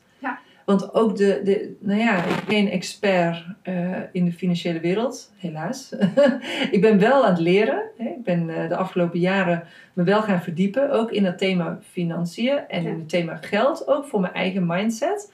Omdat ik het een beetje wil begrijpen ehm, van wat, wat is eigenlijk de waarde. En wat ik heb geleerd is dat eh, en organisaties als de, de zorg, zorgverzekeraars, maar of geld zelf, zijn eigenlijk ook getraumatiseerd. Ja.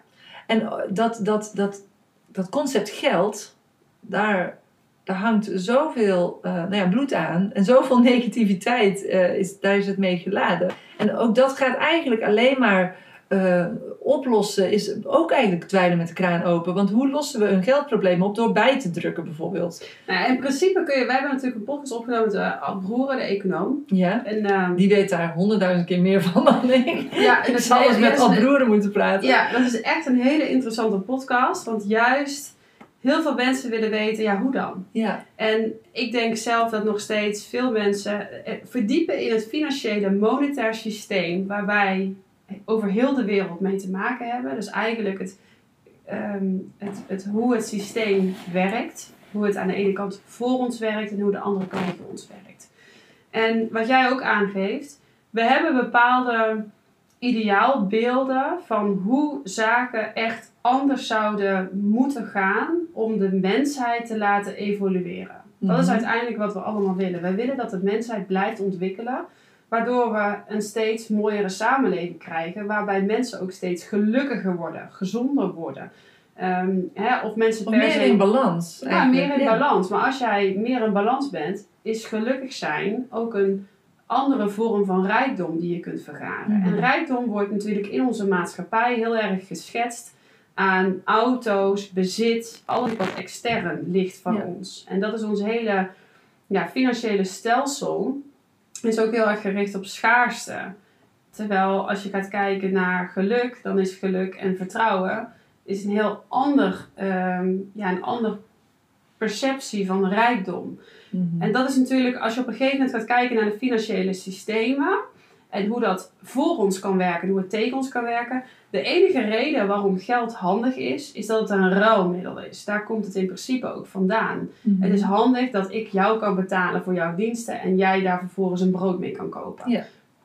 Meer is het niet. Dat is wat geld voor ons kan doen, een valuta. Ja. Alleen wij Vaak hebben het niet eens mee in de hand. Het, is het, het, het zweeft door de lucht, het komt ergens binnen, het gaat er ergens weer uit. En daar heb je eigenlijk Ja. al de kern te pakken. Ja. Geld heeft geen waarde. Het heeft de waarde die eraan gegeven wordt door Ja. jou en mij. Mhm. En omdat het in omloop blijft en wij elkaar daarmee betalen en daarmee leningen afsluiten en schulden maken, want geld is niet meer dan schulden maken, ehm, hou je eigenlijk het financieel monetair systeem continu in stand. Mhm. En als we op een gegeven moment, dus wat jij net ook aangeeft, van ik wil, een, ik wil het centrum en ik wil dat mensen daarin ehm, ja, gewoon naar ruimte krijgen voor herstel, dan gaan we sowieso al kijken naar bepaalde communities, hoe we ehm, wellicht een bepaalde periode elkaar dus kunnen gaan ondersteunen en het dus kleiner kunnen maken. Mhm. En je hebt daar hele mooie voorbeelden van. Maar stel nou, en dat vond ik het leuke van Ad Broeren, dus ik breng hem in deze podcast er even in.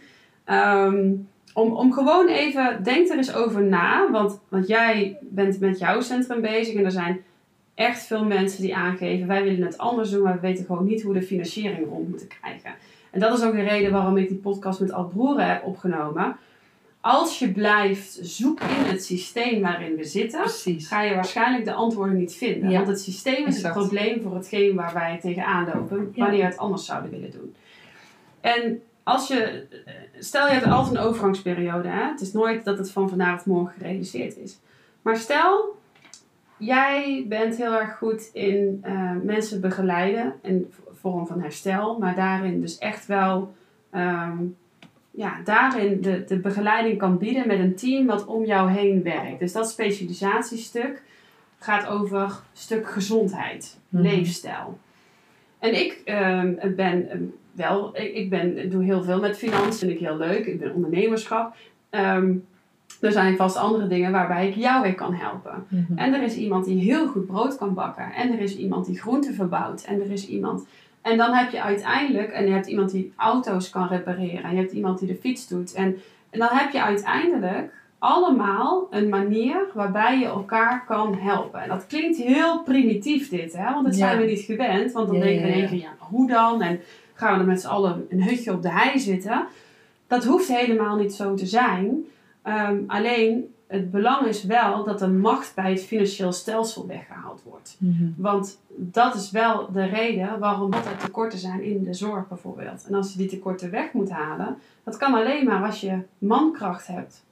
Menselijke handen. Mhm. Mhm. En ehm, nu betalen we elkaar met valuta. Nou, als die valuta er even tijdelijk niet zijn, dan zou je kunnen barteren. Wat ook nog eens niet belast kan worden. Dus Ja, dat is op zich misschien ook nog wel een voordeel. Maar even, nou, dat is even een beeld wat geschetst wordt door mensen die bijvoorbeeld zeggen van nou, we willen, dat, we willen decentralisatie. Want dat is eigenlijk waar we het over hebben. Ja, het is eh, heel erg interessant, hè? Van, dit, dit is super interessant wat je zegt, van om, om eens goed over na te denken, te reflecteren. Ehm, ja, om dat eens goed te laten beseffen en kijken wat Ja. er gebeurt. Hè? Want dit heeft ook even een beetje tijd nodig. Dit soort voor, voor jezelf. En ook in mijn hoofd van, van hoe werkt dat dan? En wat, wat is waarde? Wat, als, om te reflecteren op de wat is waarde? En heeft dit geld, heeft dat waarde voor mij? Of zijn het andere ehm, dingen, functies, materialen, ehm, nou ja, dingen die ik kan doen, die Ja. waardevol zijn, of die waarde hebben? Ehm, ja, nee, dit, is, dit is een heel interessant eh, thema. En ook, ja, ook om te kijken van hoe kan je, hoe zou je op deze, nou ja, rondom dit thema een richting op kunnen gaan. Waarbij je dingen nou ja, waar kan maken, voor elkaar kan krijgen, of dingen kan gaan opbouwen. Terwijl we wonen, we leven in de maatschappij zoals we leven. Ja. Dus we hebben te maken met een belastingdienst. En we hebben te maken met, eh, nou ja, gewoon een, een, een, gebouw waar gas, water, licht binnenkomt. Die uiteindelijk aan het einde van de maand wel een rekening gaan sturen. Ja. En ik kan wel zeggen, ja, maar ik kan een cake voor je bakken. Nou, ik denk niet dat eh Waternet daar heel blij van wordt, van die cake van mij. Snap je? Dus dat, dat blijft Nee, je altijd... moet het, daarover ehm, afspraken met elkaar maken. Ja, maar Want- goed. en dat dan is wel iedereen in eerste instantie mee eens zijn. Maar ik vind al wel een hele goede die je daar aanraakt, is dat jij zegt, wat is de waarde? Ja. Weet je hoe weinig mensen eigenlijk weten wat hun waarde is? Of Mhm. de waarde is die zij bieden? ja, ja. Hoe- Nee, en hoe bepaal je die waarde? Want Ja, de zorgverzekeraar die heeft die waarde wel bepaald. ja. Maar ehm, daar ben jij het niet mee eens. En heel veel anderen zijn het daar ook helemaal niet mee eens. ja, of hoeveel salaris je krijgt bijvoorbeeld. Dat heeft iemand eh, bepaald van als jij dit en dat hebt eh, bestudeerd en dit papiertje hebt, dan ben jij dit en dat waard. Terwijl misschien vind jij jezelf wel veel minder of veel meer waard. Ja. Ja, ja dus, eh, nee, dat is een super interessant thema. En ik denk dat dat ja, ook om, nou ja, om een beetje aan te sturen op eh, van waar we nu zijn. Want dat gebouw, daar ben ik mee bezig. Ehm, en ik ben er dus nog niet helemaal uit, hè. Ja. Want dit spreekt me wel aan, dus dat is interessant. Terwijl we ook in deze wereld zijn. En de, hè, dus nou goed, dat, dat speelt nog. Eh, maar in de meanwhile hoeven we niet stil te zitten. En ik denk dat het belangrijk is. ehm, ik heb dat, ehm, dat, dat centrum, heb ik even de werknaam The House of Love gegeven. Maar gewoon als werknaam, vind ik leuk. Ehm, zo ben ik ooit voor de eerste keer ingeschreven in de Kamer van Koophandel trouwens. Even een leuk weetje. The House of Love. Alleen in Amsterdam, de Kamer van Koophandel zei tegen mij... Is dat wel verstandig om jouw bedrijf The House of Love te noemen in Amsterdam? Mensen dan een verkeerd beeld krijgen van wat je eigenlijk voor aanbiedt, zeg maar. Oh, helemaal niet bij stilgestaan. Ja, ja, ja. Dus ik heb, ik heb, maar ik zei ja, het is voor mij een persoonlijke waarde, dus ik noem het wel de House of Love, maar, maar naar de buitenwereld toe ben ik Network Yoga Therapy. Dus iedereen kent mij als Network Yoga Therapy, trainingen, noem maar op, Ehm, therapieën, maar ehm, officieel bij de KVK, de House of Love. Nou goed, dus je, had hem, je hebt hem al ooit ja, bedacht. Ja, ja, ik heb hem al Ja. ooit bedacht in 2010. Dus die, eh, nou ja, dit centrum, hè, laat maar zeggen, dat is dan als werknaam de House of Love. Ehm, waarbij de, de, nou ja, de stenen, daar zijn we mee bezig, daar zijn we nog niet helemaal over uit. En de grond eromheen, noem maar op. Maar wat we wel doen in de meanwhile, want het heeft vooral ook heel veel, denk ik, met mindset te maken. Dus het, het eh, veranderen, het transformeren, het eh, optimaliseren van eh, systemen, zorg, de, living systems waar we in zitten. Ehm, is niet alleen maar wachten tot je een uitkomst hebt op een moeilijke som hè, of een, een, een ingewikkeld vraagstuk, totdat je helemaal uit bent, maar in de tussentijd ook gewoon bezig zijn met wat, wat, hebben, we daar, ja, wa- wa- wat hebben we daarvoor nodig. En misschien blijkt dat op een gegeven moment op jouw pad de vraag eigenlijk niet eens meer relevant is. Zou ook nog kunnen, hè? Ja. Dat het wat anders wordt. Ja. En ik vind, daar moeten we onszelf ook echt de ruimte toe geven. Want anders sla je alsnog de plank mis. Maar ik vind wel een heel goed punt aan, eh, aandroeg. Is, eh, aan de ene kant heb jij mensen nodig om te begeleiden die eigen verantwoordelijkheid Ja. nemen. En eigenlijk gaf je ze net terug ook aan de ZZP'ers. Ehm, en dat, dat zie ik in de zorg ook heel veel. En die kaart ik wel aan. We hebben te maken met een belastingdienst. We hebben te maken met een zorgstelsel. We hebben te maken met wet en regelgeving. En in de zorg is het woord ontzorgen nog nooit zo vaak voortgekomen. En ik vind dat eigenlijk heel jammer dat dat door hele grote organisaties gedaan wordt. Dat wordt ook veel gedaan op bemiddelingsbureaus hè, die, die aangeven we gaan de zorginstelling ontlasten. Door eigenlijk alle administratieve zaken van de ZZP'ers, die gaan we eh, overnemen. Daarbij ontzorgen we de ZZP'er. Dus daarbij zeggen we, nou we doen alles voor je. Dus zodat jij eigenlijk alleen maar de handen aan het bed hoeft te zijn. Maar dat is helemaal niet waarom je ZZP'er bent geworden. Nee, nee, nee, nee. Nee, dat zou ik ook niet. Nee, dat vind ik geen goede beweging. Ik vind wel Dat wel de, de praktijk die er nu heerst. Met de- de zorg. Misschien is het wel zo dat je te veel papierwerk hebt, maar dat is een andere, dat is een andere vraag. Ja. Is het wel nodig om zoveel, dat, dat vind ik ook al ben je geen ZZP'er. We, we zitten gewoon, we zijn echt ook bureau eh, verpleegkundigen soms geworden, dat we meer achter de computer zitten dan dat we werkelijk onze cliënten kunnen zien. Eh, dat was een van de redenen waarom ik dus zelfstandig wilde zijn. Om van al dat, de, de, die rompslomp af te zijn. En gewoon mensen weer gewoon 95% van de tijd te kunnen spreken en zien en bewegen en yoga en noem het maar op. Want als zelfstandige heb jij jouw eigen kaders. Ja. Binnen natuurlijk de wet en regelgeving die er bestaat. Ja. Maar de kaders die, eh, die jij stelt, stel je zelf. Zeker. En die zijn eh, prima. Daar ben ik, eh, dat, dat is ook een beetje zoeken. En op een gegeven moment heb je je kaders gevonden.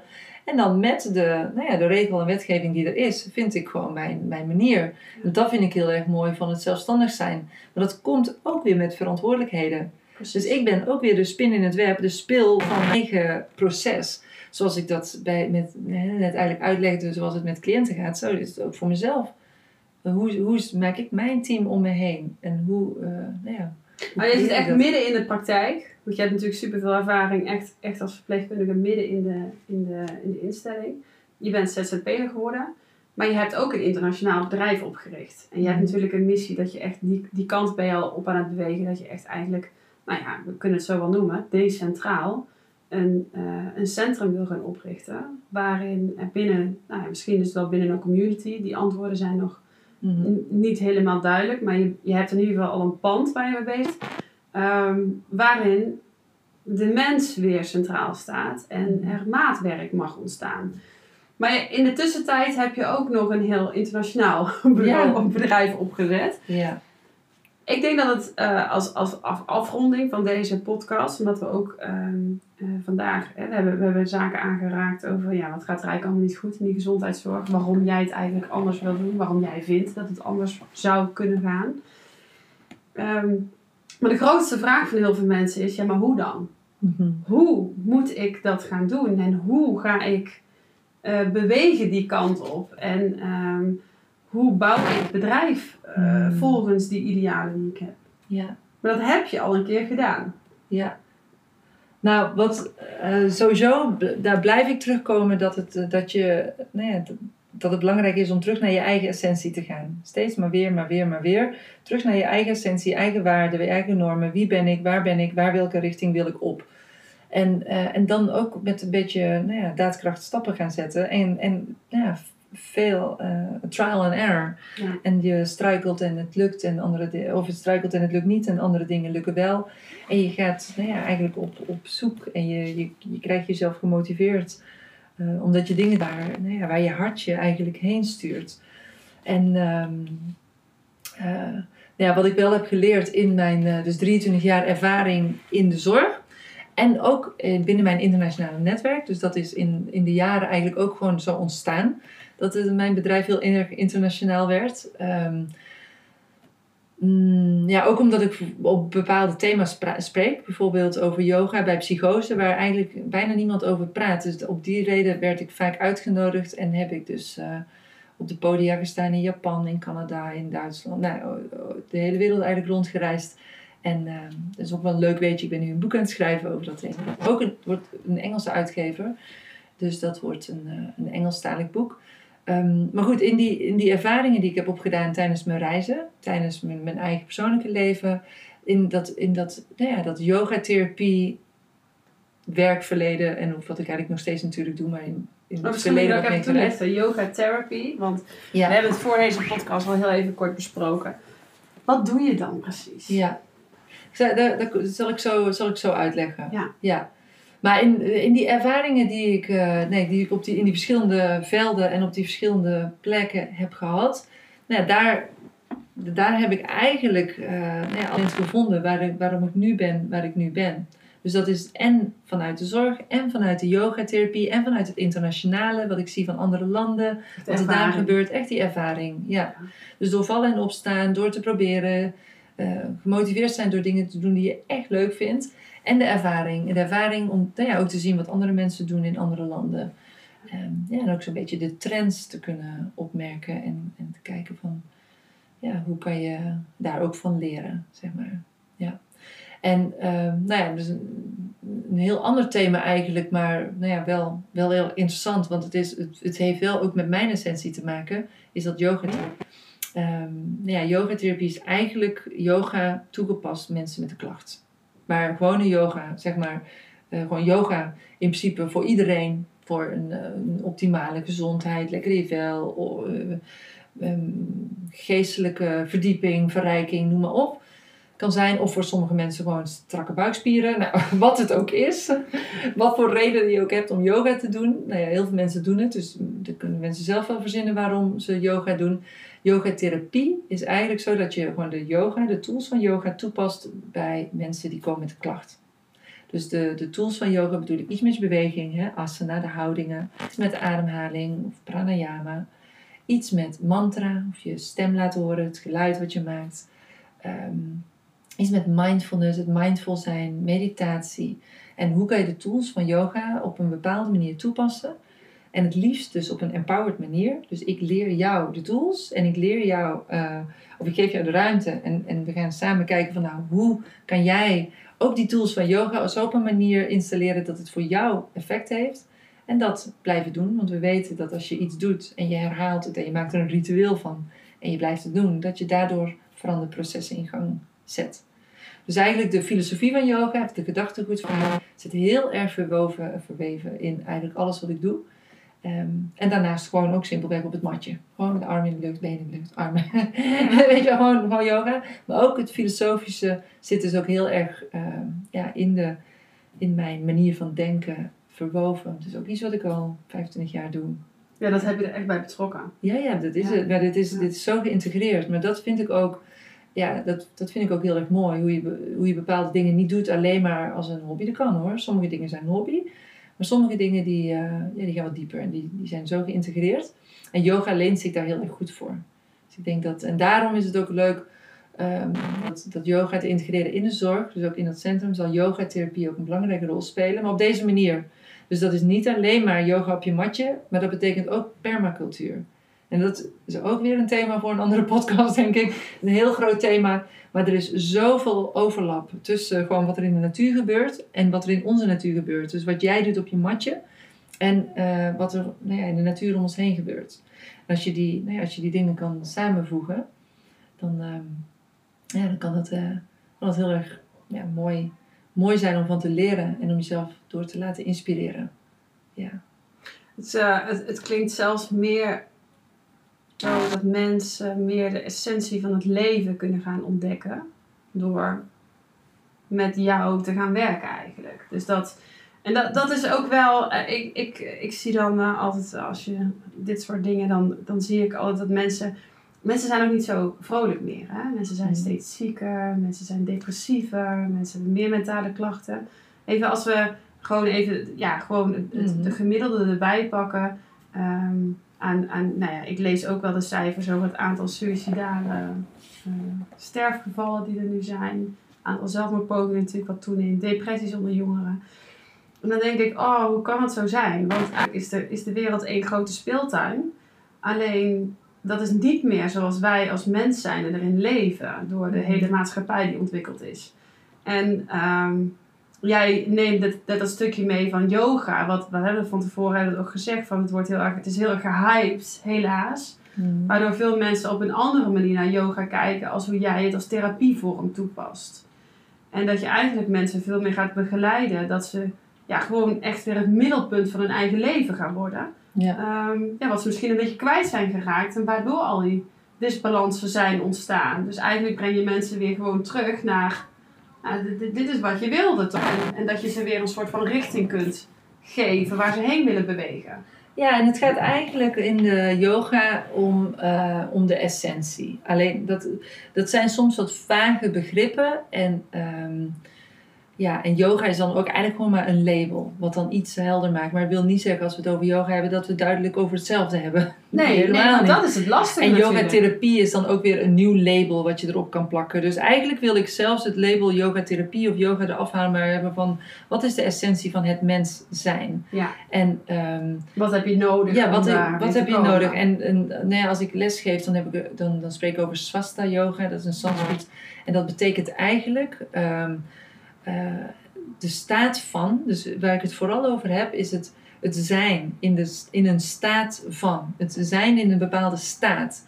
En als je in een bepaalde staat van een optimale gezondheid eh, verkeert en je kan het ook herkennen, je kan dat ook als zijnde herkennen, dan, dan zijn we denk ik een goede richting op het gaan. Vaak herkennen we dat niet zo goed. Dus wat dat woord swasta betekent zijn als jezelf. Dus waar het eigenlijk in de essentie over gaat, ja, is het zijn als jezelf. Maar dat is allemaal niet zo heel erg uh, makkelijk natuurlijk. Ik kan zeggen, je kunt gewoon jezelf zijn. Alleen, we zijn het gewoon vergeten. We zijn het echt vergeten. Uh, daar kunnen we ook niks aan doen. Maar dat heeft, hè, wat we eerder over hadden, dat heeft ook met gewoon onze opvoeding te maken. En de manier waarop we leven. En we worden versuft door allerlei, uh, nee, niet alleen medicijnen, maar ook de Coca-Cola's. En de, de, alles eigenlijk wat we in onze mond stoppen bijna. Dus het is nog zo moeilijk om echt uh, goede voeding, voed, voeden, voedzame voeding te vinden. Um, en ook mentaal. We worden gevoed met allemaal eh, junkfood. Hè? Ja. televisie maar aan. Ik heb geen televisie meer, want het is allemaal junkfood eigenlijk. Maar om echte voeding te vinden, dat is tegenwoordig gewoon best wel ingewikkeld geworden. Um, maar als we, dat, als we dat weer kunnen vinden, dus we voeden ons mentaal en fysiek met goed spul, dus goede eten, worteltjes planten, televisie uit, uh, goede gesprekken met mensen voeren, lekker in een kringetje zitten. met de juiste dingen Ja, lekker uh, met je blote voeten in het zand lopen, gitaartje erbij, kampvuurtje en voedend, fijne gesprekken voeden, zoals dit gesprek, hartstikke leuk, ja, middagje ja. met jou. Ja. En, uh, maar goed, als je jezelf weer gaat voeden en, en je, komt, je gaat weer wat aarden en je hebt de juiste mensen om je heen, en je komt weer in contact met jouw zijn. En je komt in contact met wie je bent. En dan kom je weer in contact met je richtingen. Oh, maar dat kennen we allemaal. Dat je oh, een slaak van verlichting. Dat je je schouders automatisch voelt ontspannen. En ja. oh, ik, ik heb hem weer. Ik heb de vibe weer. Ik voel hem weer. Ja. Ik voel het weer een beetje. Het stroomt een beetje door mijn lijf. En dat, dat, dat gevoel, dat beetje dat gevoel van flow. En dat je, het gevoel dat je in de juiste... Hè, niet dat je constant alles kwijt bent. Je weet je sleutels niet te liggen. Je, je, oh, je weet niet welke keuzes je moet maken. Je weet niet of je in een relatie moet blijven. Maar dat je het gewoon wel weer even weet. En denk, oh ja. En waar komt dat nou precies door? Waar komt het nou door dat je het nu weer wel weet? En dat is empowerment. Als jij erachter komt van, ah, dit ben ik. Dit zijn dingen die gezond voedend voor mij zijn. En deze dingen kan ik beter niet doen. En ik heb ook nog eens de, de kracht om dat te doen. Om de, die dingen, Ja. die verleidingen, zeg maar. Het is allemaal heel verleidelijk, want het wordt helemaal verleidelijk gemaakt, hè? Enjoy happiness. Koop het gewoon voor normaal. Je bent slootwater aan het verkopen. Hoe kan je nou zeggen dat het happiness Maar anyway, Ja, hoe kan je de verleidingen eh, weerstaan? En tot jouw essentie komen met gewoon een eenvoudige, de, de eenvoud van het leven. Ehm, ja. En ik denk als je daar aankomt, eerlijk gezegd, wil je niet meer anders. Als je dat weer gaat proeven, als je de echtheid van het leven weer gaat proeven, jouw essentie weer aan gaat raken, dus je wordt een beetje wakker in jouw eigen essentie, dan wil je, ik, ik wil geen, vroeger dronk ik ook Coca-Cola, maar ik wil het niet meer drinken. Het is niet omdat ik dat alleen maar slecht vind snap zo. wat jij bedoelt. Maar Ja. als je het eenmaal hebt ervaren, en die ervaring, die wil ik eigenlijk mensen meegeven. Dus als je in een centrum komt waar liefdevolle mensen om je heen zijn, wanneer je in een crisis schiet, dat je een kampvuurtje gaat maken en samen liedjes gaat zingen, of weet ik veel, whatever. Als je een hekel hebt aan liedjes zingen, dan doe je het niet. Maar snap je? Dus je gaat wat voedende dingen vinden en doen. Je gaat zelf plantjes in de tuin zetten. Er is geen televisie aanwezig. Dat is helemaal niet nodig. We gaan niet elke, elke acht uur voor het NOS-journaal zitten. We gaan gewoon lekker met z'n allen gewoon creatieve dingen doen. En we gaan zorgen dat we dicht bij onze eigen essentie komen. Ja. Dan hoef je het niet meer uit te leggen. Want dan ben je er al. Ja. dat die... Ik, ik kijk nou al uit naar het centrum wat je gaat bouwen. Nee, het is. Ik, ik, ehm, in de podcasten die ik maak, hebben we natuurlijk heel veel over dit onderwerp. En ik Ja. denk, ehm, eh, we hebben het de laatste, de laatste opnames heb ik het eigenlijk continu gehad over eh, mentale disbalansen. En ehm, ik denk dat niks toeval is. Maar ik denk ook echt dat mentale problemen de, misschien wel de grondlegger zijn van heel veel lichamelijke klachten die we, Mm. die we ervaren. Dus als het allemaal begint in ons brein, of dat nou het brein is bij je hart of het brein tussen je hoofd, het menselijk brein, en, hè, we, we hebben, we hebben het beide nodig. En als die disbalans er uit is, en nou denken heel veel mensen misschien, hè, brein bij het hart, we hebben toch een hart? Nou ja, we hebben een kloppend hart.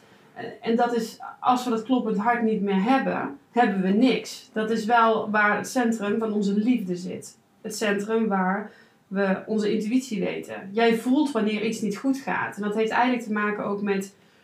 Kijk maar naar jouw lichaam. Ja, we, hebben natuurlijk geen beeld bij de podcast. Maar als je een lichaamshouding hebt en je weet iets, dan zit je niet zo. Mhm. En als jij aan het denken bent, ik denk dat het dit is, ik denk dat het dat is, maar denken is niet weten. Dan zeg je, ik Mhm. weet het. En weten zit in het gebied van het hart. Mhm.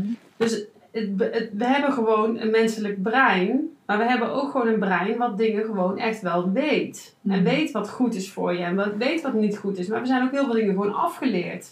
Die connectie die is niet optimaal meer, die Ja. is vertroebeld.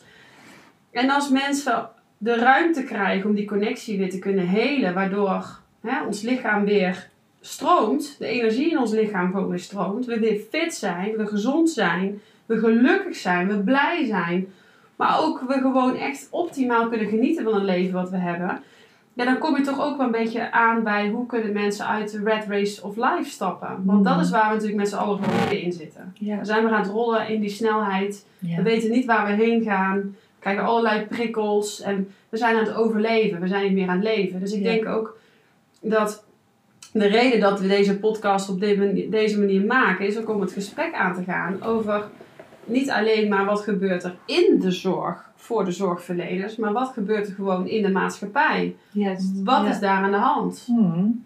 En dan, ja, eh, ga bij jezelf te raden. En kijk wat je vandaag al kan doen om, eh, of juist niet kan doen.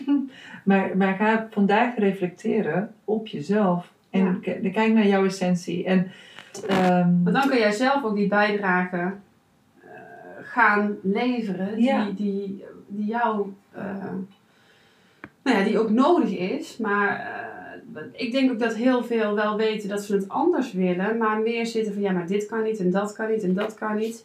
En wat jij zelf ook zegt, nou ik vind het eigenlijk wel heel ehm, mooi, dat reflecteren is een wettelijke verplichting in de WKK gezet. mhm. Dat is natuurlijk super mooi. Je kunt natuurlijk heel veel klagen over de wet en regelgeving die er is. En dat er een enorme bureaucratie is. En, maar in de, in de WKKZ staan gewoon kaders beschreven. Er staat gewoon in periodiek reflecteren. En dan hebben we het niet over intervisie. En Ik zou- over ik zou reflectielijstjes Ik zou afvinken. zeggen dagelijks. Ja, even dagelijks reflecteren. Maar maak het fijn. Maak het fijn voor wat ging jezelf. goed hè? vandaag? Wat had ik zelf Ja, anders Neem een kopje Wat- thee. Even lekker zitten. Neem een kopje thee. Sluit even je ogen. Lekker hand op je hart. Misschien wel twee handen op je hart. Ah, en adem even. Geef jezelf even drie ademhalingen. De uitademing ietsje langer dan de inademing. Het is allemaal helemaal niet zo heel erg ingewikkeld. Ja. En reflecteer even. Oké, hier ben ik nu. Hier zit ik nu.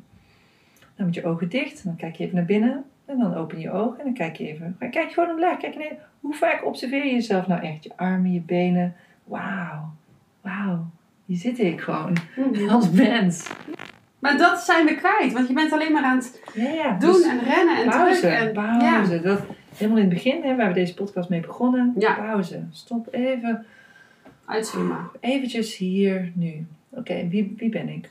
En zie je het, het, het reflecteren is een heel belangrijk element van de groei die we eh, Mm. als mens doormaken, maar die ook de, de zorgverleners zelf gaan doormaken. Want uiteindelijk, iedereen levert een bijdrage aan de verandering die we met z'n allen graag willen. Precies. En die verandering is ook hier en nu. Dat bedoel ik ook Ja. te zeggen. Ja. Dus eh, hè, dat centrum waar ik mee bezig ben, dat vind ik een fantastisch plan. En ik, ik heb er mijn tanden ingezet. En ik, ik ben bezig, bent. maar er is meer. The House of Love is niet alleen die stenen. The House of Love zit in jezelf. Ja. Dus jouw, eh, jouw hart, jouw hartcentrum is jouw House of Love. Ja. En daar begint het. Dus ga vooral terug naar je eigen essentie, jouw eigen waarden en normen. Wat zou je veranderd willen zien? En verander dat nu, vandaag. Zeg nee, stel je grenzen. Ja. Zeg ja. Grenzen stellen betekent ook ja zeggen. Hè? Ja. Want vaak denken we dat grenzen stellen alleen maar nee, nee, afstand. Maar juist, en dat hebben we zeker de afgelopen anderhalf jaar geleerd, grenzen stellen betekent ook dichterbij. Het betekent eigenlijk gewoon een cirkel om je heen trekken. Dit is oké dit is niet oké. Maar dichterbijheid is ook een grens. Dus nodig dingen uit wat dichterbij. Bepaalde andere dingen misschien wat meer verderaf. Vind jouw balans daar. Maar zit in jouw eigen centrum. Dus in jouw, hè, dat, hè, dat, dat centrum. Dat, ja, ik vind het wel echt Het is wel... meer dan alleen maar... Het, Het is mooier dan alleen maar de stenen van het centrum die gebouwd gaan worden. Wat ik ook heel graag wil, wat heel belangrijk is. Maar, Ja. maar dat is er niet 1, 2, 3. Hè? De de Nee. ingewikkeldheden zijn daar. Maar eh, wij zelf zijn hier al wel. Ja. Dus hier kunnen we beginnen. Dus wie ben ik en wat wil ik graag veranderen? Even een heel klein voorbeeldje wat ik gewoon leuk vind om te vertellen. Ik heb van de week afgesproken met een groep mensen die allemaal heel erg gereageerd hebben op mij. Van ik wil de zorg anders. Dus het is een hele grote... Maar je had een oproep geplaatst. Ja, op Wie Insta- gaat er met mij de zorg veranderen? Dat ja, was een beetje de ja, ja, zoiets, ja, eh, ja. Nee, in ieder geval heel Hij was triggerend eh, was, triggerend, ja. Ja. Eh, 700, 800 nieuwe followers in een halve dag. Dus dat eh, op Instagram, dus dat, dat, dat zegt iets over hoe, eh, ja, hoeveel... Ik, I'm not the only one, laat maar Nee, zeggen. nee. Ehm, maar goed, we hadden laatst, een, eh, we hadden laatst afgesproken en er was één ehm, verzorgende, een thuiszorg, werkte bij de thuiszorg. En ze zei, ja, het mag eigenlijk niet van mijn baas, maar ik neem dus eh, vaak mijn labrador mee. Want ze had er hond bij. Ze zei, jij komt net van mijn werk. Ja, die neem ik mee. Want dat, dat doet die oudjes zo goed. En dan denk ik, ja, dat is, het is eigenlijk buiten de regels om. Het mag eigenlijk niet. En toch heeft zij ervoor gekozen om zoiets wel te doen. Ik denk, ja, ik vind dat toch ook wel heel erg leuk. Om te kijken van, nou, hoe kan je... ehm, Waar is de rek? waar is de rek en wat mag net wel, net niet. Want ik heb gemerkt in mijn eigen eh, ervaringen, heb je, je hebt vaak zo'n beetje van ja, eigenlijk, mijn collega's zijn het er niet mee eens, maar ik vind dat eigenlijk wel. Dan ga dat gesprek aan en blijf daar gewoon, blijf voor je eigen, nou ja, je- de dingen die jij belangrijk vindt of die jij denkt die belangrijk zijn voor je in jouw werk en in de zorg of in je eigen leven, blijf daar gewoon voor, voor gaan. En geef het gewoon niet snel op. Snel met de pakken neerzitten, want dat kan niet of dat mag niet. Maar ga, eh, nou ja, Nou ja, ga in ieder geval bewegen. Kijk, kom in beweging. Want Kom in dat is beweging, ook ja. wel, daarom eh, vond ik de podcast ook belangrijk. Is, je hebt een koers bepaald en wellicht zitten mensen nu echt te luisteren en denken van ja, dat centrum, dat wil ik ook. Hoe dan? En wie gaat dat bepalen? En wie, wie gaat dit doen en wie gaat dat doen? Het gaat er juist heel erg om in deze podcast dat we het besef, denk ik, met z'n allen wel hebben dat het zorgsysteem zoals het is en hoe je daar als zorgverlener in moet bewegen, dat dat voor iedereen vrij beklemmend is. En dat dat beklemmende gevoel eigenlijk alleen maar erger wordt. Alle bureaucratie die toeneemt, de regelgeving, maar ook... Ik denk zelf dat heel veel mensen ook het gevoel hebben dat er steeds minder ruimte is. En dat ze steeds minder ruimte kunnen innemen. En jij had net als voorbeeld bijvoorbeeld ook.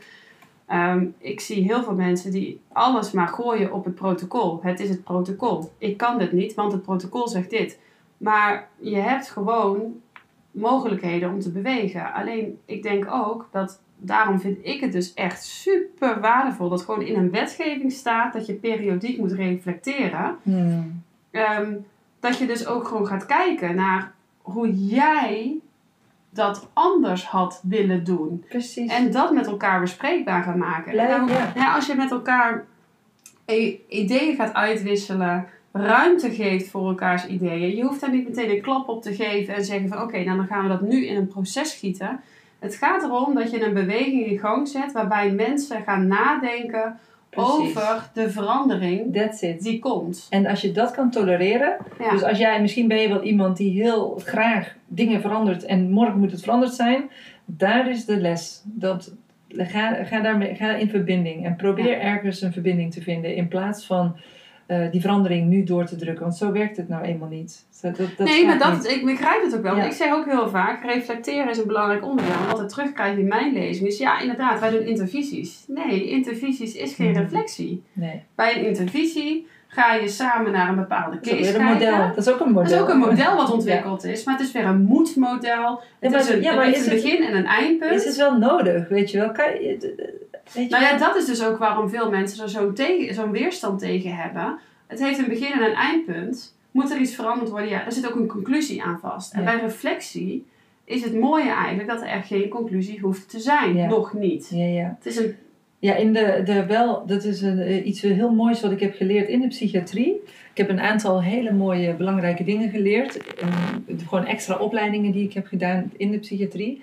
En één daarvan is ethische reflectie. En dat vond ik ook altijd een heel belangrijk punt. En dat probeerde ik te integreren ook in de, op de werkvloer. Maar dat hadden we geen tijd voor, helaas. Maar Die dat, tijd toch, Nee, hè? die tijd toch? Nou, wij gaan lekker door met die podcast, want wij hebben wel gewoon de tijd. Nee, we gaan zo meteen afronden. Maar, Ja. maar ehm, nee, grapje. Maar ehm, hoe heet dat? De, dat ethisch reflecteren, dat was een, een zeer waardevolle training die ik heb gevolgd. En wat ik dus echt probeerde te integreren in de zorg, maar dat niet helemaal van de, nou van de grond kwam. En ik was niet de enige natuurlijk. We hadden een, een groepje van mensen binnen de instelling die dat deed. Eh, bij Arkin was dat. En dat was een, en een geestelijk verzorgende die ons daarin opgeleid hebben. Dat was echt een hele interessante. Maar dat soort dingen neem ik natuurlijk al mee. En dat neem ik mee ook in de trainingen die ik geef. Dus in de yoga-therapieopleiding krijg je niet alleen maar... Krijg je, en ja, heel veel leer je over yoga. Maar ook al dit soort dingen over de sociale psychiatrie. Ja. Al dit soort dingen die ik heb geleerd over ethisch reflecteren. Dat zit er natuurlijk allemaal in. Ja. Dat neem ik mee. Hoe ik eh, heb geleerd om om te gaan met de, de mensen zonder ziekteinzichten. Hè, allemaal heel ingewikkeld. Want ik heb natuurlijk met hele ingewikkelde casussen te maken gehad. Mensen komen met eh, schizofrenie, psychoses eh, en verslavingen. En ze, ze, de- ze moeten van alles. Want ik moest ze dus medicijnen geven. En dat wilden ze niet. Maar dat, dat moest ik wel doen. Dus ik heb geleerd van nou, hoe krijg je... En, maar dat wilde ik dus niet meer. Maar ik heb wel geleerd dat het altijd over verbinding gaat. En nou daar heb ik heel veel over te vertellen. En dat, eh, nou dat is ook, er zijn een aantal methodes die daaruit voortgekomen zijn, die, ik, eh, nou ja, die gewoon geïntegreerd zitten ook in mijn trainingen. Dus als, nou ja, als mensen dit eh, interessant vinden van de manier waarop ik werk, dan kan je op de website kijken om, als je yogadocent wil worden, want ik heb Mhm. een speciale opleiding, yoga-opleiding voor hulp, hulpverleners. Dus er zitten vooral dokters, verpleegkundigen, psychologen, maar eigenlijk elke eh, discipline eh, kan er aan meedoen. We beginnen in september weer met een nieuwe ronde. Die is in het Nederlands. En er is een therapievervolgopleiding. Dus mensen die al yoga-docent zijn, die kunnen die volgen.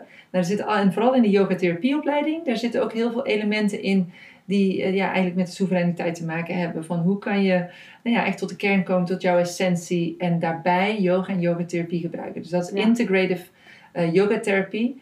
Ehm dat is eigenlijk heel erg over leefstijl ook. En, ehm, en dat heet, die opleiding heet therapie. Terra als in aarde. Therapie. Mm. Dus dat is heel interessant. Slim dat, eh, bedacht. Ja, Ja, ja, ja, mooi, bedacht. Mooi bedacht. dus dat eh, even gewoon ook voor de luisteraars die zeggen, nou dat vind ik allemaal wel leuk en eh, ik wil daar meer over weten. En ik vind dat ook leuk om daar, ja, om dat in mij toe te passen of daar mijn werk van te gaan maken. Dan eh nou ja, ben van harte uitgenodigd om mee te doen in de trainingen. Je kan eh, op de website lezen, Heel waardevol. networkyogatherapy.com, eh, hoe je dat doet, of je neemt gewoon contact met me op. Ja. Ja, Nou, we hebben heel veel bes- besproken. ja En, ehm, leuk hè. We hebben heel veel dingen aangestipt ook. Ja. Dit is eigenlijk gewoon een nieuwe, hoe heet dat? We hebben, we hebben een platform gecreëerd voor tien nieuwe podcasts erbij wijze van. Ah, bijna? We wel. hebben Zoveel thema's, zoveel thema's aangestipt. Ja. Nou ja, weet je, kijk, het is natuurlijk. ehm, ehm, ik vind het ook leuk om dat soort dingen aan te stippen. Kijk, soms heb je echt een hele eh, specifieke eh, podcast waarin we echt de diepte ingaan van één onderwerp. Mhm. Omdat we dan daar echt ja, vanuit verschillende hoeken eigenlijk naar dat onderwerp gaan kijken. Maar we hebben het hier over een stukje zelfstandig ondernemerschap. En dat, kijk, dat vind ik heel erg belangrijk dat dat eh, verder ontwikkeld gaat worden. Dat mensen ook juist eh, die verantwoordelijkheid zelf gaan nemen. Om te laten zien wie ze zijn, wat ze kunnen, welke visie ze hebben op, de, eh, op het stukje wat zij willen gaan eh, bedienen. Mhm. Ehm, want daarmee kun je namelijk ook die gezondheidszorg in het algemeen veranderen. Want daar is gewoon heel veel behoefte aan. Iedereen doet daar zijn eigen bijdrage in. Maar er zijn gewoon ontzettend veel artsen die ook in die gezondheidszorgstelsels die er nu zijn, gewoon echt hartstikke vastlopen. Ja.